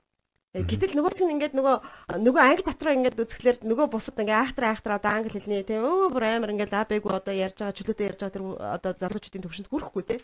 Тэгсэн мөртлөө тэр нөгөө гэрийн даалгавраа хийгээд ирж байгаа тэр сэдвээ ойлгоцсон байж байгаа ярих гэж хичээж байгаа хазгаан мөрөж гисэн те. Тэр нөгөө би заавал ярина би энэ даалгавраас зогтоож болохгүй гэж хандж байгаа тэр хандлага нь л ерөөсөө тэр хүнийг л бол жинхэнэ гайд болгоно гэж тодорхойлоод гаргаад ирж штэ. Ягшрал багшийн арга барил болоод ирэхлээр хин нэгэн хүний урмыг хуглах биш. Тэ хичээж байгаа хүнийг одоо дэмжих Дээрээс нь одоо тэр нөгөө нэг айгүй мундаг гэж өөрийгөө бодсон залуучуудын одоо тэр нөгөө хандлагыг те та нар ингээ мундаг байж болно. Гэхдээ та нар бас энэ хүн шиг хөдөлмөрлөх хэрэгтэй гэдэг тэр юугийн те сэтгэлгээгийн тэр ойлголтыг нь одоо тэдэрт ойлгуулахын төлөө тэр хичээл явдаг. Тэгэхээр нөгөө манай зарим одоо нөгөө ресерч нар ингэдэг байхгүй би ямар ч англи хэлний мэдлэг байхгүй шүү дээ. Би ямар ч хэлний мэдлэг байхгүй. Тэгээд би зүгээр монголоор ярьж болох юм уу? Энэ сургалтанд чи сууж болох юм уу энэ төр гэж асуудаг хүмүүс байдаг байхгүй. Хамаагүй бид нар хамаагүй ороод ир гэдэг тийм үү? Яг хөө англиар ярьж чадахгүй ч гэсэн тэнд өндөр ингээд англиар явж байгаа тэр хичээл дээрээс үг тогтоож авах гэдэг чинь өөртөө эрдэнэ шүүрж байхад адилхан зүйл шүү дээ. Бид нар нэг гадаад талаар нэг ганц шинэ үг сурахыгаа л бид нар яг эрдэнэстэй болж гин гэж бодож чадахгүй л тэр утга байхгүй. Тийм үгүй юу? Тэрийг тоохгүй байж ерөөсөө болохгүй байхгүй. Та бас нэг юм шийдэж одоо яс нэг юм хоёр юм ярмаар. Нэг нь нэмээ гэвэл одоо англи хэл, англи, герман, хятад, солонгос хэл дээр яг хэлний хичээлүүд оронгууд нь юу словар гэдэг лавлах бүх одоо томьёонуудаа тэр нь бол супер. Аа давхар та нэг гайдын тухай ярьж таны нэг сургалтанд сууж ирсэн. Ерөөсө огт хэлэхгүй мөртлөө амар мундаг хоол идэг ч юм уу. Тэгэнгүүт энэ тэр хоолороо баг аялаа аваа явуулдаг хүмүүс тухай ярьж ирсэн. Тэгээд тэр залууч нь тийм шүү дээ нөгөө ч гадаад хэлний мэдлэг байхгүй. Тэгээд тэгсэн мөртлөө манай сургалтыг төгссөн. Тэгээд тэр сүултээ аяллаа аягүй мундаг тоогооч болсон шүү дээ. Яг л тэр ерөөсөл хоол их дуртай. Тэгтээ тэр одоо англиар ярьдаг болсон шүү. Тэр үед л юу ч мэдэхгүй байсан. Одоо бол айгүй мундаг тийм одоо тэ нөгөө хоолтой аяллуудад явж байдаг. Тэгээд дээрэс нь бас өөрөө оролцоор агаад мэдээж хэрэг тэр орчин өөр ингээл англи хэлний орчин юм чинь тэгэл нөгөө сайхан хөөрхөн ингээд нөгөө ярддаг болсон ярианы хэлтэй болсон. Пошт бүр ийм зүр зүр зүг байдаг. Шэзжоондаг доо серца монгол хэл рүү орчуулах юм бол одоо ходоодроос шууд зүрх рүү орж олдог тийш дээ тий. Яг өөр тэр нөгөө хоолнд ингээд сэтгэл нь шингэсэн байгаа байхгүй. Тэгээ нөгөө нэг жуулчтан дэгдэг гэж байна. За өнөөдөр өдөр тийм хоол гэсэн. Одоо орой ясна яаж тавган дээр хоолоо яаж тавих бол гэдэг. Тэр чинь баг ингээд нэг хөдөө явж байгаа мөртлөө тавган дээр хоолоо хүртэл тавихтаа айгүй дизайнлаг тавьдаг байна лээ. Тэгээд бүр ингээд нөгөө жуулчдаа бүр ингээд хайрлагдчихсан тий. Тийм л одоо гайд бол чадсан. Тэгэхээр нөгөө хүмүүсийн нөгөө тэг хийж байгаа зүйлдээ сэтгэлээ шингэх гэдэг юм чи айгүй чухал штэ. Тий. Одоо би бас ингээд өөрөө хаяа зэврэхгүй тулд яг л би аялал жуулчлалын одоо бас багш учраас хаяа нэг компанийн хашгамаар ирсэн тийм би ч өөрөө Япон хэлтэй тийм Япон Япон жуулчдаа бас аваад ингээд нэг жилд нэг хоёр удаа ингээ гараад ирээд байдлыг дандаа тандаа явдаг байхгүй юу? Хаана юу өөрчлөгдөж чинь яаж нээж ийн гэл те. Өөрөө нэгсэндээ хөтөж явж ийн гэсэн үг шүү дээ. Тэгээ явж байхдаа би шавнартайгаа маш их тааралдаг энэ тэнд журсны бааз мазууд дээр те. Гэтэл яг ингээд бүр ингээд түг наг таг наг гэл бүр ерөөсө бүр ингээ гацаад байгаа хүртэл ингээ гай тэгээд яваад ахыг ингээ ингээ аюу тааралддаг байхгүй юу? Тэгэл бүр ингээ гайхаад гүчи минь гайд болцсон уу гэл. Тэгэхээр харин тийм багшаа би ингээ гайд болцсон. Ямар байна гэсэн оо энэ хүмүүс надад аюу хуран зэрэг өгж байгаа гэд Тэгээ тэрийг ингээ би ажиглахаар яадаг вөхлөр тэр баян ингээ гүйчдэг. Яаж юм нэлэр ерөөсөө л ингээл нөгөө өөрийнх нь хилэн мүү яна жуулчандаа гологдоод уурлуулчихгүй гэдгийг мэдчихэж штэ тэр чинь тий. Тэнгүүд нөгөө ч станаар ингээл бүр ингээл өглөө босгоос нь ахвал орой унтаг хүртэл тэр жуулчдаа юу үсэж байгаа тэгэл энд энд яг нүдэнд нь өртөөл явж идэг тий. Хоолн дээр хамгийн түрүүнд ирсэн ингээл энэ ядч л ингээл тий нөгөө үйлчлэгээ тэгэл талхын зөөгөөл аль эсвэл одоо нөгөө баазын тэр нөгөө хоол зөөж өгдөг юу байж байгаа шүү дээ. Ресторан зөөгчөж байгаа шүү. Тэрний ажил мажил туслаад ингээл гүүгэлтэй. Энэ байдал нь жуурс таалагдаад байгаа байхгүй. Тэгээ нөгөө хэлэн мууч гэсэн нөгөөжүүлчт нь за энэ залуу хүүхэд одоо тий хичээж гин энэ одоо бидний гайд хэдийгээр биднэрт одоо олигтойсаа мэдээлэл өгөхгүй байгаа ч гэсэн энэ ингээд хичээж байгаа сэтгэлийг бид нар үнэлэх ёстой гэдэг ингээд нөгөө жуулчтан зэмлэлгүйгээр тэр одоо залуучуудад те уран зориг өгөөд ингээд аваа явцдаг юмнуудыг би зөвхөн бас зөндөө харж исэн л да. Тэгэхээр хүмүүс нөгөө нэг юунд нь болоод байна гэхэлээ мэдээж хэрэг хэлж чухал, мэдлэг чухал тийм үү. Гэтэ бас хүний хандлага гэж нэг юм айгүй чухал байна. Хандлага зүтгэл. Хандлага зүтгэл сэтгэлтэй энэ юм бодвол ерөөсөө яалтж авахгүй л бараг л нэг номер тавигдаад шүү дээ тий. Өөрчлөгийн одоо энэ асуудал чинь тий. Тэгээ би бас нэг юу анзаарсан бэ гэвэл э, ер нь би ер нь Монголд 100 болгон ирээд хөдөө явахдаа бол нэг юмдэр л боддог гэсэн.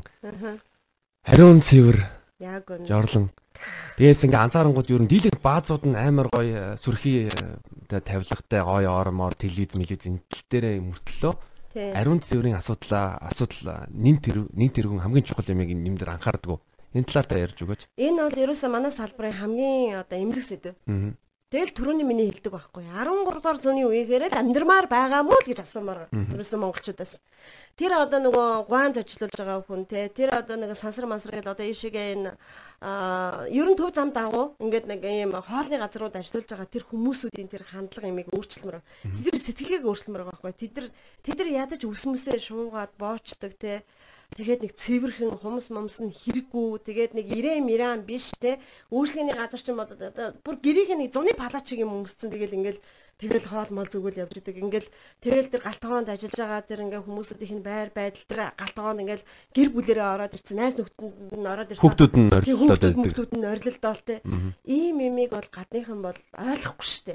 Гадныхан битгий хэлдэ одоо ингээд манай монголчууд чинь ингээд гадагшаага гараад бас соёлжоод гадаад орнуудаас сураад ирсэн Монгол хүн чинь өөрөө өөрчлөгдөд байна шүү дээ. Гэтэл энэ өөрчлөгдсөн шинэ монголчуудын өмнө тэр нөхдөж яг 13 дугаар зуун шиг харагдаад байгаа байхгүй. Тэгээ энийг одоо бид нэр ингээ яаж өөрчлөх юм бэ гэдэг. Тэр хүмүүсийн буруу биш л дээ. Би боцсон байхгүй. Яагаад тэр хүмүүсийн буруу биш гэж хэлээд байна вэ гэхээр би зөвхөн ганцхан жишээ хэлээ би Дорнот аймгийн аян журсалтээр зөвлөхөр ажилладаг. Тэгээд Дорнот аймгийн одоо нэг 60 30 40 хүнтэй ингээл хамт юу явж байгаа юм л да манжуур яваал хайлаар яваал дандаа юм вакуум сургалтанд ингээд явж байхдаа би өөрөө нөгөө автобусын дотор ингээд өөрөө гайд хийж өгж байгаа байхгүй. Тэгээ ингээ өгтөө би Дорнот аймгийн одоо нөгөө түүхээс нөсүүлэлтэй бүр ингээ Дорнот аймгийн одоо чулуун зэвсгийн Дорнот аймгийн нутаг дэвсгэрийг ярьж байна. Яг тэр нутаг дэвсгэр дээрх одоо түүх нь өөрөө болоод ирэхлээр ерөөдөө дунд чулуун зэвсгийн үеэс ахуулаад ингээд ерхий олдурууд ингээд эхэлж байгаа байхгүй юу. Тэнгүүдээ танай аймгийн энэ сумын тим одоо олдур шин чулуун зэвсгийн үед хамаарах ийм олдур а энэ хөрөл зэвсгийн үед хамаарах ийм олдурууд чинь өөр бусад одоо Монгол орны төв хэсэгт байгаа, баруун хэсэгт байгаа олдруудаас ийм юмараа ялгаатай юм шүү гэд ингээ яриа авахаар нөгөөдөл нь бүр ингээ гаахаад ангаагаад миний амьдрдаг суманд манай гэрийн хаяанд иж байгаа энэ бус чи ийм юм байсан юм уу гэдэг штэ. Тэгэхээр энэгээр юу хэлэх гээд байгаа юм гэхээр монголчуудад ялангуяа хөдөө орон нутагт амьдарж байгаа энэ хүмүүсүүдэд маань хандсан сургалт алга. Боловсролын олгодог юм нь алга. Тэгэхээр сургалт хэрэгтэй юм. Энэ хүмүүсүүдийн нүдийг нээх хэрэгтэй юм байна. Та ийм газар нутаг дээр амьдарч байна. Та одоо өнөөгийн нэг юм ийм байна. Та ийм болох ёстой гэдэг ийм сургалтуудыг л бид нар хийхгүй бол мянга тэрийг тэр хүмүүсүүдийг шүүмжлээд эмэр авахгүй болчих жоох байхгүй. Тэгэхээр одоо нөгөө миний хэлээд байгаа энэ байхгүй. Бид нар одоо ерөөсө шат чатанда ерөөсөө л шууд боловсролын одоо ингээд тэр хүмүүсүүдийн хандлага юмнуудыг өөрчлөх тийм сургалтуудыг тэр нас хамаарахгүй бүгдэн рүү ингэж оруулахгүй бол одоо яг ийм хоёр ийм ертөнц үүсэж байгаа байхгүй. Тэр хоёр ертөнц нь нэг хэсэг нь Улаанбаатарт амьдарч байна. Нөгөө төдийгөө шоолол юуг шоолж ин гэхээр нөгөө оркууд гээл те. Хар маас энэ гээл одоо нөгөө нэг тэр хүнийг ингэж орк гэж хэлж байгаа. Хүнийг тэр хар маас гэж хэлж байгаа хүмүүсүүд нь өөрсдөө яг мэдэр дээр амьдрал дээр яг жинхэнэ өөрөө яг тийм л хүн байгаа. Тэг яаж амнаас нь багтаж те тэр үг гараад байгаа юм. Айгу би одоо ингэж янз бүрийн байдлаар шүүмжилдэг. А гэхдээ миний амнаас хизээж нөгөө хар маас чинь нөгөө тэнгүүд чинь нөгөө оркут чинь гэдэг үг миний амнаас гардггүй. Миний Facebook сошиал орчин дээр надаас гардаг тийм үг байхгүй. Аа энэ энэ ингэж хэлж байгаа хүмүүс өөрөө өөрсдөө ер нь бол би бодох хэрэгтэй гэж бодоод байдаг байхгүй. Тэр үнэхээр тийм мундаг хүн үү? Тийм боловсрцсан хүн үү? Бүгдийг ойлгоцсон хүн үү? Тэ? Тэр одоо үнэхээр одоо тийм гэгэрцэн хүн үү? Тэ? Гэдгээ ингээд тэгээ тэр хүний ингээд тэр орк мог гэж бусдыг дуудаад байгаа тэр одоо хар маас заас гэд ингээд жиргэн дээр ингээд жиргээд байгаа тэр хүүхнүүд энэ тэрийг ингээд тэр хүмүүсд ингээд харахаар өөрсдийг нь ороод харахаар тэр юун дээр нь ямар ч гоцгоод юм байхгүй. Зүгээр л ингээд нэг тархин юм хоосон. Зүгээр л нэг юм оюуны хоосралтай нэг юм дүр зур дүр хэсгсэн те нэг ийм л нөхөр байгаа байхгүй юу. Тэгээ тэрийг өөрсдөө мэдгүй байгаад юм л да. Тэгэхээр эдгээр яад юм хэлэр нөгөө одоо уншдаггүй, боддоггүй, сэтгэдэггүй те. Тэгээл одоо нэг нэг иймэрхүү юм биччихэл бусад таалагдана гэж боддог. Энэ сэтгэлгээ энэ нь бол надад их өрөвдөлтэй харагддаг. Ингээд харахад бол нэг өнцгөөс ингээд харахад бол Тэгэхээр энэ хүмүүсүүдийн одоо энэ хандлага юмнуудыг өөрчлөхийн тулд одоо ерөөсөө л сургалтууд л хэрэгтэй. Би бодвол одоо ялангуяа манай энэ зарчлах хөгжлөгийн салбарын сургалтууд маш хүчтэй явагдасаа гэж боддог. Аа бид нэр зүгээр барменыг бид нар бэлтгэдэг баймаар байна. Зөөгчийг бас бэлтгэдэг баймаар байна. Хүнтэй үйлчлэг те. Бариста. Тийм, тэдрийг бүгдийг бэлдмээр байгаа байхгүй. Тэрийг бүр ерөөсөө мэрэгжлийн түвшинд бэлдмээр байгаа. Тэр одоо нөгөө хөдөө орон нутагт гуан зарцуулаад байгаа хүнийг сургалтын суулгамаар байна. Тийм.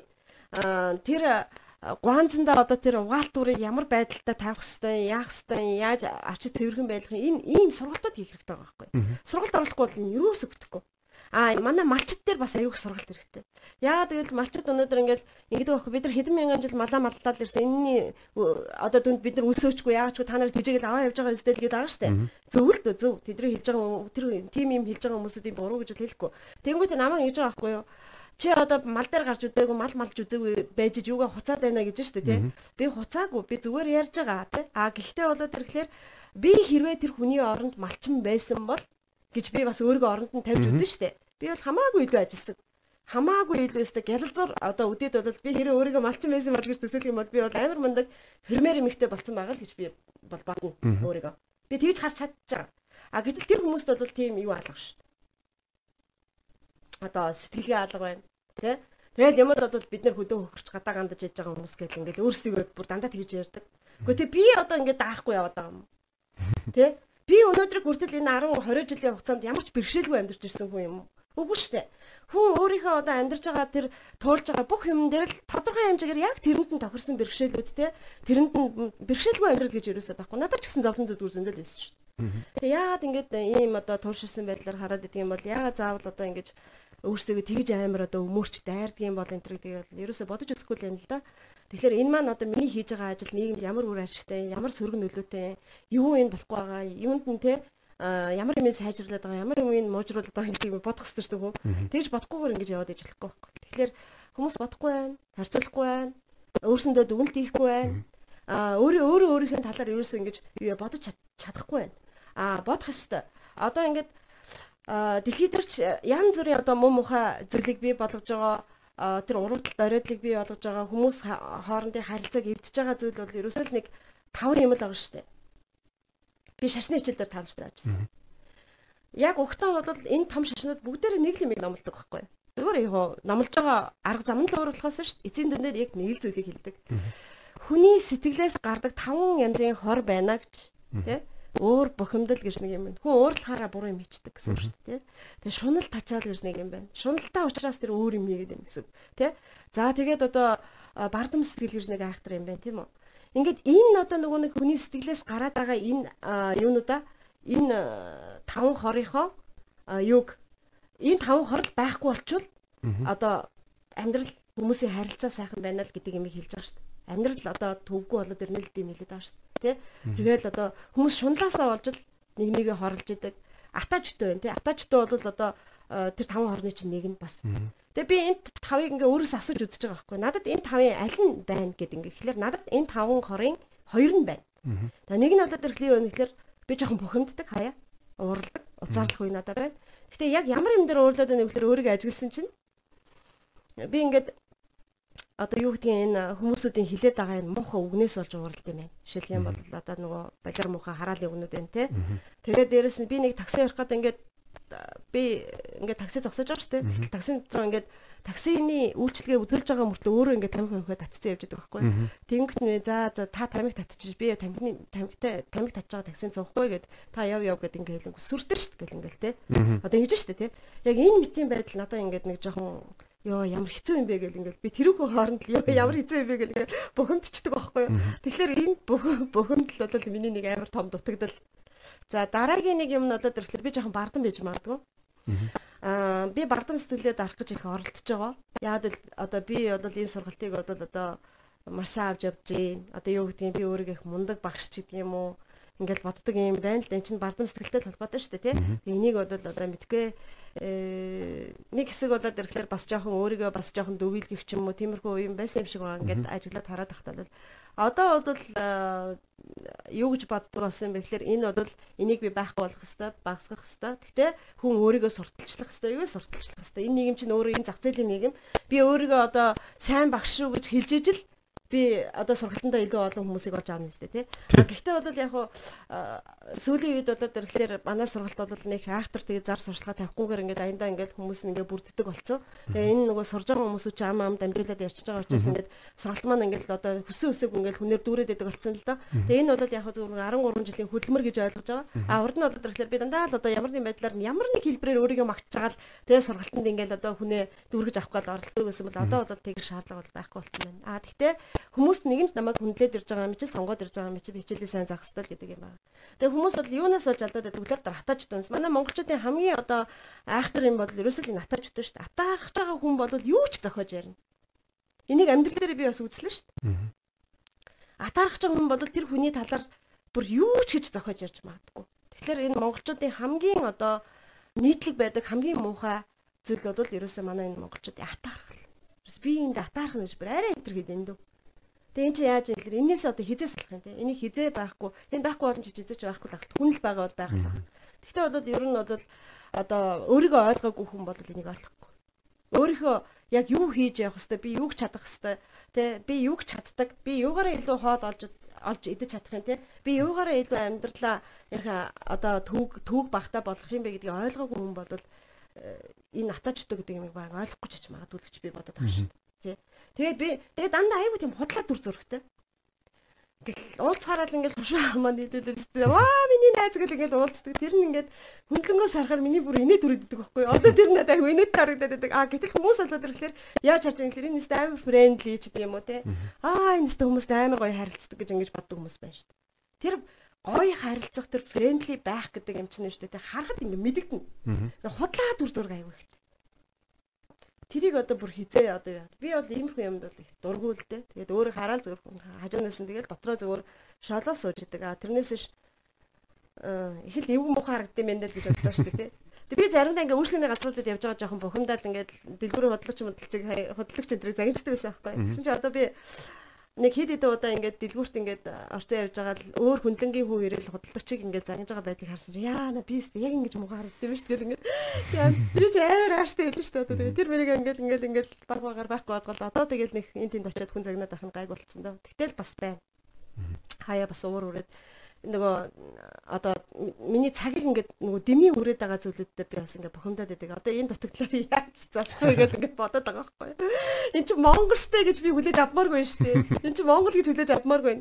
Аа цаг гэдэг аюул чухал байхгүй хүн. Тэ цагаасаа хоцроод ирэх чи ямар муухай. Тэгэл хүмүүс ингээд төгжил мөгжил ярихаар би ерөө сонсох дурггүй.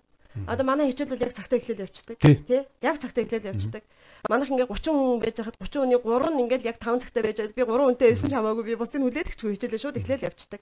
Ер нь бол ингээд аялал жуулчлалын салбарт ажиллаж байгаа хөтөч хүн тийм ээ энэ салбарт ажиллаж байгаа хүн цаг барихгүй байх гэдэг бол ерөөсөө бүр тэр тэр хүн мундаг байна уу тэр ерөөсөө хамаагүй шүү дээ. Цаг барьдгүй хөтчийг цаг барьдаггүй удирдлагыг одоогийн энэ дэлхийн энэ хурд бол тэ хүлээж авахгүй шүү дээ. Би нэг сургалтын байгуул би нэг сургалтын байгууллага э, байгууллагад э, сургалтанд суух гад э, юу захирлуун заалгасан. Өөсөө манай би ингээ танаа сургалтанд хамрагдсан юм аа. Тэгээд тантай хизээ уулзах боломжтой юм байна. Тэгсэн чинь яг тэр захирал нэмэгтэй хүн байсан. За миний дүү би бол цагийг маш их эрхэмлдэг. Тэгээ маргааш чи яг 5 цаг гэд манай сургалтын байран дээр хүрээ дээр. Би тэгээ 4:50 гэж очив. 4:50 гэж очиод за яг 5 гэд заалгасан чи залгаал уусаа өнө би тантай өчтөр холбогдсон юм би одоо сургуулийн төв дээр чи ирсэн мэн гэсэн чи. Чи чи яасан? Цаг барьдаг. Сонир хөвгт бай. Би одоо төгжирж байна гэж хэлдэг. Ядж явахдаа сургалтын үнэ нь 2 сая төгрөгийн орчмны үнэтэй. Тэнгүүдээ яг анханасаа анханасаа бүр би миний миний цагийг үржүүлэх гэж би бол цаг эрхэмлдэг цаг барьдаг яг цагтаа ирч чадах юм бол чи 5 гэд төрөөд ирэнгүүтээ өөрөө хоцронгуудаа надад уурлаад байгаа хгүй да. Би яасан маа Монгол ойлгох юм. Энд амар төгжрээд байна шүү дээ. 5 дахь сургууль хажууд юм гэдэг бодоол. За за. Нэг иймэрхүү. Аа үнэн шүү. Ер нь бол энэ дүр эсгсэн ийм хүмүүс маш их байна. Тэгээд мэдгүй одоо тэгээд тэгэл одоо явах те тэгэл юу гэдгийг хөгжлийнх нь явцад те одоо он цагийн ярихынд бол тэр хүмүүс бол тэгэл өөрсдийгөө ойлгочих байлгүй дээ те нэг л одоо бизнес хийж байгаа бол надад бол одоо маш их бэрхшээлүүд байлаа. Одоо ингээд энэ бизнесийг хийхэд хүртэл ингээд хэцүү юм маш их байдаг тий. Тэрний үед үгээр би өөрөө нэг бизнесмен хүн биш юм байна. Ерөөсө багшил хүн юм байна гэдгийг ойлгоцсон. Аа багшийнхаа л ажлыг аягүй сайн байна гэдгийг ойлгоцсон байхгүй. Хүн бол ингээд яг өөрөө яг юу хийж чадах вэ гэдгийг бодож олох хэрэгтэй л дээ. Одоо нөгөө улааны шашин те улааны урсгалд бол хэлдэг шүү үзэл номлол нь болоод ирэхлээр хүн өөрийнхөө одоо сайн муу хоёр хүрдийг те ингээд олох хэрэгтэй. Миний муу хүрдний юу юм, сайн хүрдний юу юм тийм ээ. Сайн хүрдэл хүн ингээд эргүүлээл ах юм бол одоо өөрөө өөрийгөө олоод өөрөө өөрөө өөрийнхөө дотор байж байгаа тэр бурханлаг мөн чанарт хүрнэ л гэж хэлээд байгаа шүү дээ тий. Би тэрийг бол яг л яг л үнэн гэж боддог. За би танаас нэг газар зүүн хоёр асуулт асууя. Австрал төв арал юм уу? Би бол тэвэл гэж боддог шүү дээ. Тэвэл гэж уншиж ирсэн шүү дээ бид нар ч. За, Европ Аз хоёр хоёулаа тустай төв юм уу, нэг төв юм уу ер нь? Европ Аз хоёр уу? Их газраар наваад үзэх юм бол энэ чинь нэг цул Евраз тий. Евраз гэж явж байгаа шүү дээ тий. А зүгээр одоо Европын орнууд, Азийн орнууд гэж ярьж байгаа тий. За төгсгөл та шин ном шин ном дээр ажиллаж байгаа гэж надад хэлсэн да. Тэр тэр талаар яриад өгөөч. За би одоо аялал жуулчлалын лавлах гэж одоо энэ Монгол орны лавлах гэдэгтэйг адилхан. Тэгээ аялал жуулчлалын лавлах гэдэг ийм ном бичиж байгаа одоо. За тэр ном маань яг энэ ном шиг тийм амар зузаан болж болж чадахгүй. Яг нөгөө яг нэг нөгөө салбар дагнсан ном учраас те. Тэгэхдээ энэ номыг ингээд эмгтгээд явж байгаад би бол дотор айгүй баяртай байгаа. Тэр болгон баярлж байгаа. Яагаад баярлаад байна вэ гэхээр 2 за яж 2000 оноос хойш бүх аялал жуулчлалын салбар дээр яригдсан ихтгэл одоо хууль зөвлөмж дүүрэн журам юу гэдгийг бүгдийг одоо сөхөж харж байна уншиж байна тэндээс хэрэгтэй бүх зүйлүүдийг санаа оноонуудыг дээрэс нь одоо юу гэдгийг энэ чинь лавлах гэдэг чинь шилхааны одоо нөгөө ийм байгууллагын тий таны мэдхэн хүрээнд л энэ чинь бичих хэрэгтэй шүү дээ а тэрнээс ш нөгөө одоо нөгөө нийтлэл бол биш А би нийтлэлээр болоод ирэхлээр жоохон шөмжлөнгөө ханддаггүй гэвэл ханддаг болохгүй байгаа сэдвүүдийг хүнддэг гэвэл хүнддэг. А ном бол тийм байж болохгүй. Ном бол нийтлэл маягаар бол биш. А зүгээр одоо таны мэдхүү түүх үгсэн юм байх ёстой шүү дээ. Жишээлх юм бол дэлхийн аялал жуулчлал яг хизээ яг аль биесээр үүссэн юм. Дэлхийн хамгийн анхны тур оператор тур эйженси хизээ байгуулагдсан. Дэлхийн хамгийн анхны яг аль бие ёсоор тийм ээ яг одоо аялсан тэр нь яг хэдэн онд аялсан юм ч гэдэм үү те эн чи түүх байхгүй. Тэгээ Монголын аялал жуулчлал хизээнээс эхэлсэн яасан те. За тэгээд одоо юу гэдгийг ангийн аялал гэж одоо яг юу юм? Энэ яг ан хийх гэдгийг аялал жуулчлал хэлбэрээр хизээнээс хөгжүүлж эхэлсэн. Түүх нь өөрөө дэлхий дээр тий а Монголд хизээ эхэлсэн. Одоо ямар байдалтай байгаа юм.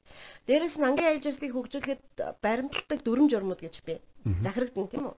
Одоо тийм амтны тийм хориг цэрүүд байж байгаа. Ямар одоо хориг ан хийх хориотой үеуд гэж байна. Хураамж гэж байна.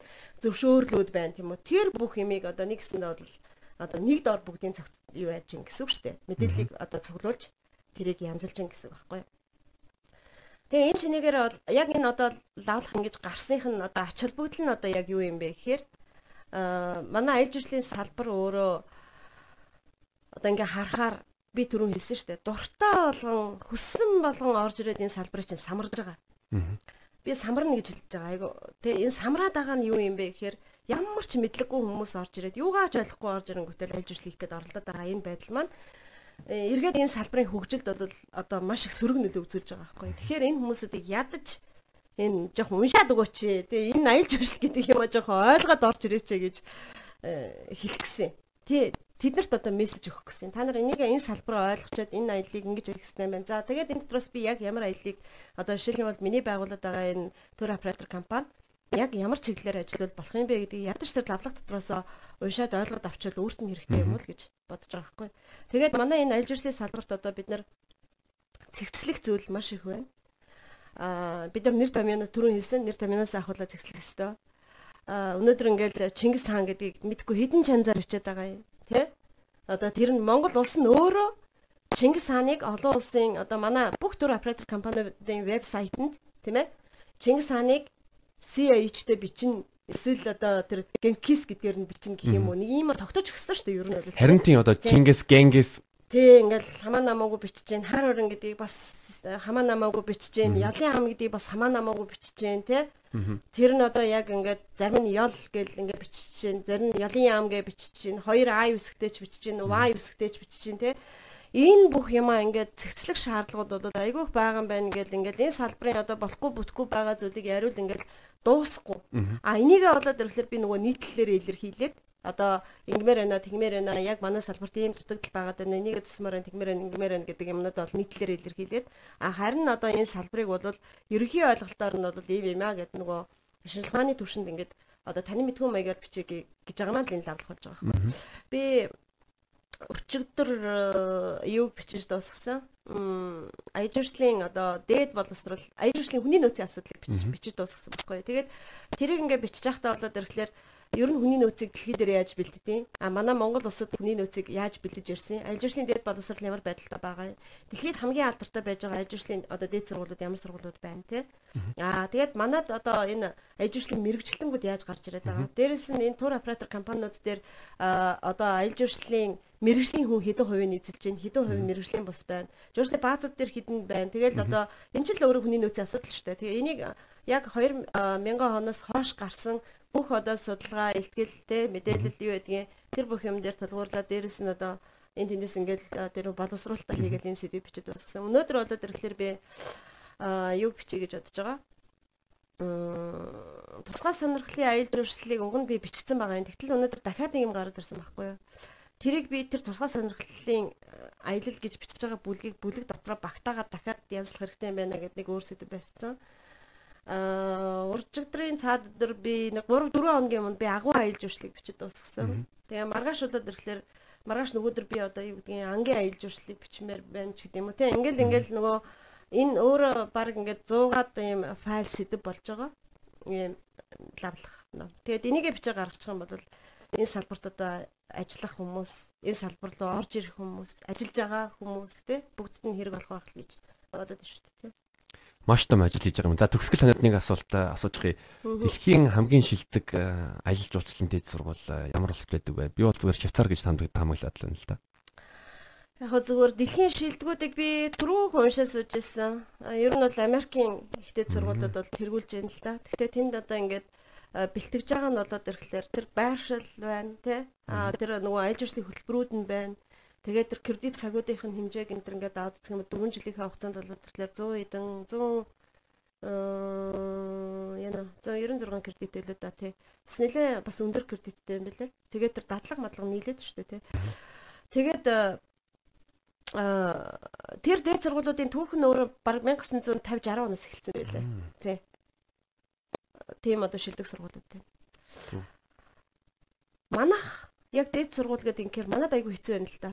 Манайх чинь хамгийн анх 1954 онд энэ юу ш улсын багшийн дээд сургууль гэж хэлсэн. Тэн дээр яг яг өвлийн аялал жуулчлал гэж нэг сэдв спорт аялал жуулчлал гэдэг ийм сэдвэр зөвөр нэг хичээл зааж исэн юм билээ. Тэгээд 75 онд Монгол Улсын их сургуулийн энэ дээр орж ирж эхэлсэн юм байна. Ер нь бол За тэгээд 2003 оноос хойшоогоо ингээд манай аялал жуулчлалын дээд сургуулиудын одоо нөгөө юу эхэлж байгаа байхгүй 10 янзын мэрэгжил дээр 3 юу 10 ийм мэрэгжлийн индекс уг нь байсан юм байна. Тэгсэн чи тэрийг нь сая 2014 оноос ахуулаад ерөөсөө мэрэгжлийн 3-ын индекстэй болгоод Тэгээд нэг 10 одоо мэрэгчлэр 10 төрлийн мэрэгчлэр одоо төгсөхөөр болгох нь болгосон л юм байл л дээ. Тэгээд ерөөсөө энэ дээр шийдэл олж чадаагүй. Тэгээд ерөөсөө цуглаад ингээд уулзалтахаараа тэр уулзалт нь аяг үр дүнгүй болдог. Яг л энэ дээд боловсролын ажлын дээд боловсрол олгох юм юуг бол одоо яг дөрвтөө авч үзэхгүй бол ингэсэн ингэж байгаа 2000 2014-өөс 17 онд яг энэ шүү дээ. Илсэн оюутнуудын тоо 1200 хэдэн хүн элсэн байгаа байхгүй юу. Тэгэнгүүтээ төгсөж байгаа нь болоод ирэхлээр ерөөсөө асар бага юу төгсдөг юм байна. Тэгээд ингээд тэр тоонууд ингээд улам багсаа авчдаг. Зөвхөн мобилсийн тэр спорт аялал жуулчлал гэдэг дээр л жишээлх юм бол 95 оюутан элсэнгүүтээ 4 жилийн хугацаанд өөт нь 31 хүртэл буурчт юм байна. Пүүх тэгж төгсдөг. Тэгээ яаж нэглээ дундаас ингээд алга болчдөг. Бүгд өөр өөр анги сонгоо явчихдаг. За энэ юуроос ирээдүг юм байна гэдэг. Тэгээд нөгөө 95 оюутнуудаас та нар яагаад энэ аялал жуулчлалын ангийг сонгоод ингээд орцсон гэдэг ингээр тухайн үед нөгөө элсгсэн анги нь байгаагүй ч гэдэг юм уу те. Асал одоо юу гэдэг. За тэг явцын донд болно нэзгээд зөвөр л нөгөө сургуульгүй хоцрохгүй тулд ч юм ингээд нэг юм ингээд орцсон те. Тэгэнгүүтээ тэгээд тэр 31 хүнээс нь төгссөн 31 2017 онд төгссөн 31 хүнээс нь 21 нь болохоор яг мэрэгжлэр ажилласан гэж байгаа юм. Нөгөө 10 мэрэгжлэр ажиллаагүй. Тэгээ 21 нь эхний жилдээ мэрэгчлэр ажиллаж аа. Хоёр дахь жилдээ тэр нь 16 болоо буурсан явж байгаа байхгүй. Яасан гэдэг гэсэн чи бас улирдын хамааралтай цалин баг ер нь бол энэ ажилчлалын салбар бол яваргүй маваргүй гэж үзэл өөр бизнес бизнес рүү орол ингээл алгуулсан. Тэгэхээр энэ өөрөө яаж юм тэр төрийн зохицолт бодлого өнөөдөр ийшээгээ орохгүй бол энэ салбарт бол ажиллах хүн ч олдохгүй юм байна. Элсэх оюутан ч олдохгүй юм байна. Тэгээд нөгөө жуурсны баазуудаас 2018 онд авсан судалгаагаар аваад үзэх юм бол жуурсны баазуудын удирдлагуудын 76% нь мэрэгжлийн бус гэж байгаа байхгүй. 76%. Пүүх. Тэгэхээр 76% нь удирдлагуудын 76% нь мэрэгжлийн бус байхаар чинь тэгээ 24% нь зашлах хөгжлөгийн аялал жуулчлалаар төгссөн хүмүүс юм гэж байгаа байхгүй. Тэгэхээр бид нар баазыг ингээд өө үйлчлэгээ муутай гэж одоо байнгын өвлөхөөс өөр хайчих юм тий муулахаас өөр хайчих юм. Тийм болно шүү дээ. А тэгээд бааз дээр ажиллаж байгаа болсон хүчнээ хаанаас ингээд олж юм бэ гэдэг ингэсэн чинь Улаанбаатар хотоос 30% нь авчдаг гинэ. За нэг 30% нь болоод ирэхлээр Улаанбаатар хотоос ажиллах хүчээ авч очдаг. Гэтэ тэр нь мэрэгжлийн хүмүүс юм ихлэр үгүй. 16% нь болоод ирэхлээр гэр бүл хамаатай садна бааз дээр ажилладаг гэж байгаа юм. За тэгээд 36% нь болоод ирэхлээр тухайн орон нутагт нутгаас олдчих байвал нэг ч хамаагүй ажиллаулчихдаг гэж байгаа юм. Тэгэхээр чинь энэ яг өнөөдөр мэрэгжлийн үйлчлэгийн салбар байж чадах уу? Үгүй. Тэгээд аялал жуулчлал нөгөө манай одоо ингэ хөтчүүдийн чуулган гэдэг ингээ болсон чинь хөтчүүдийн чуулган дээр амар том асуудалтай хоёр юм юу байсан бэ гэхээр манай хөтчнөр хинтээ хамгийн их одоо юу гэдэг юм муудалцдаг вэ гэхээр жуучны баацтай муудалцдаг. Нэг бол жолоочтой муудалцдаг гэдэг хоёр юм гараад ирсэн шүү дээ. Тэгээ судалгаагаар бүр 50-с илүү үеэслээ гараад ирж байгаа байхгүй. Тэгэхээр яаж юм гэхээр энэ нөгөө нэг хаа хана байгаа байхгүй. Нөгөө баац дээр чинь үнэхээр ийм хүмүүс ажиллаж байгаа юм чинь ийм олон хувь эзэлж байгаа юм чинь тэнд мэрэгжлийн юмыг бид нэр шаардах ямар ч боломжгүй байгаа зү. Тэгэхээр бид нар энэ нөгөө зарчлах хөрслөгээ энэ хүний нөөцийг бэлдэх юм дээр үнэхээр анхаарахгүй бол энийг анхаарч өнөөдөр манай боловс тэ байгаль орчин аяж усны яамны сайд өнөөдөр жуулчны тоог сая төгрөгнээ а одоо Монгол улсын аялал жуулчны салбар нь бол Монгол улсын одоо хөгжлийн тулгуур одоо салбарын нэг эсвэл уул уурхай салбарын дараа хоёрдугаарт орох тэргүүлэх салбар малбар гэж энэ яриад байгаа нөхдүүд энэ салбарыг энэ мэрэгжлийн болсон хүчнээр хангах тал дээр өнөөдөр анхаараагүй цагт ийм юм ярина гэдэг бол айгүй ичгэвтер зүйл. Энэ амар асуудалтай зүйл. Тийм. Ингэж хэлмээр. Зөө зөө.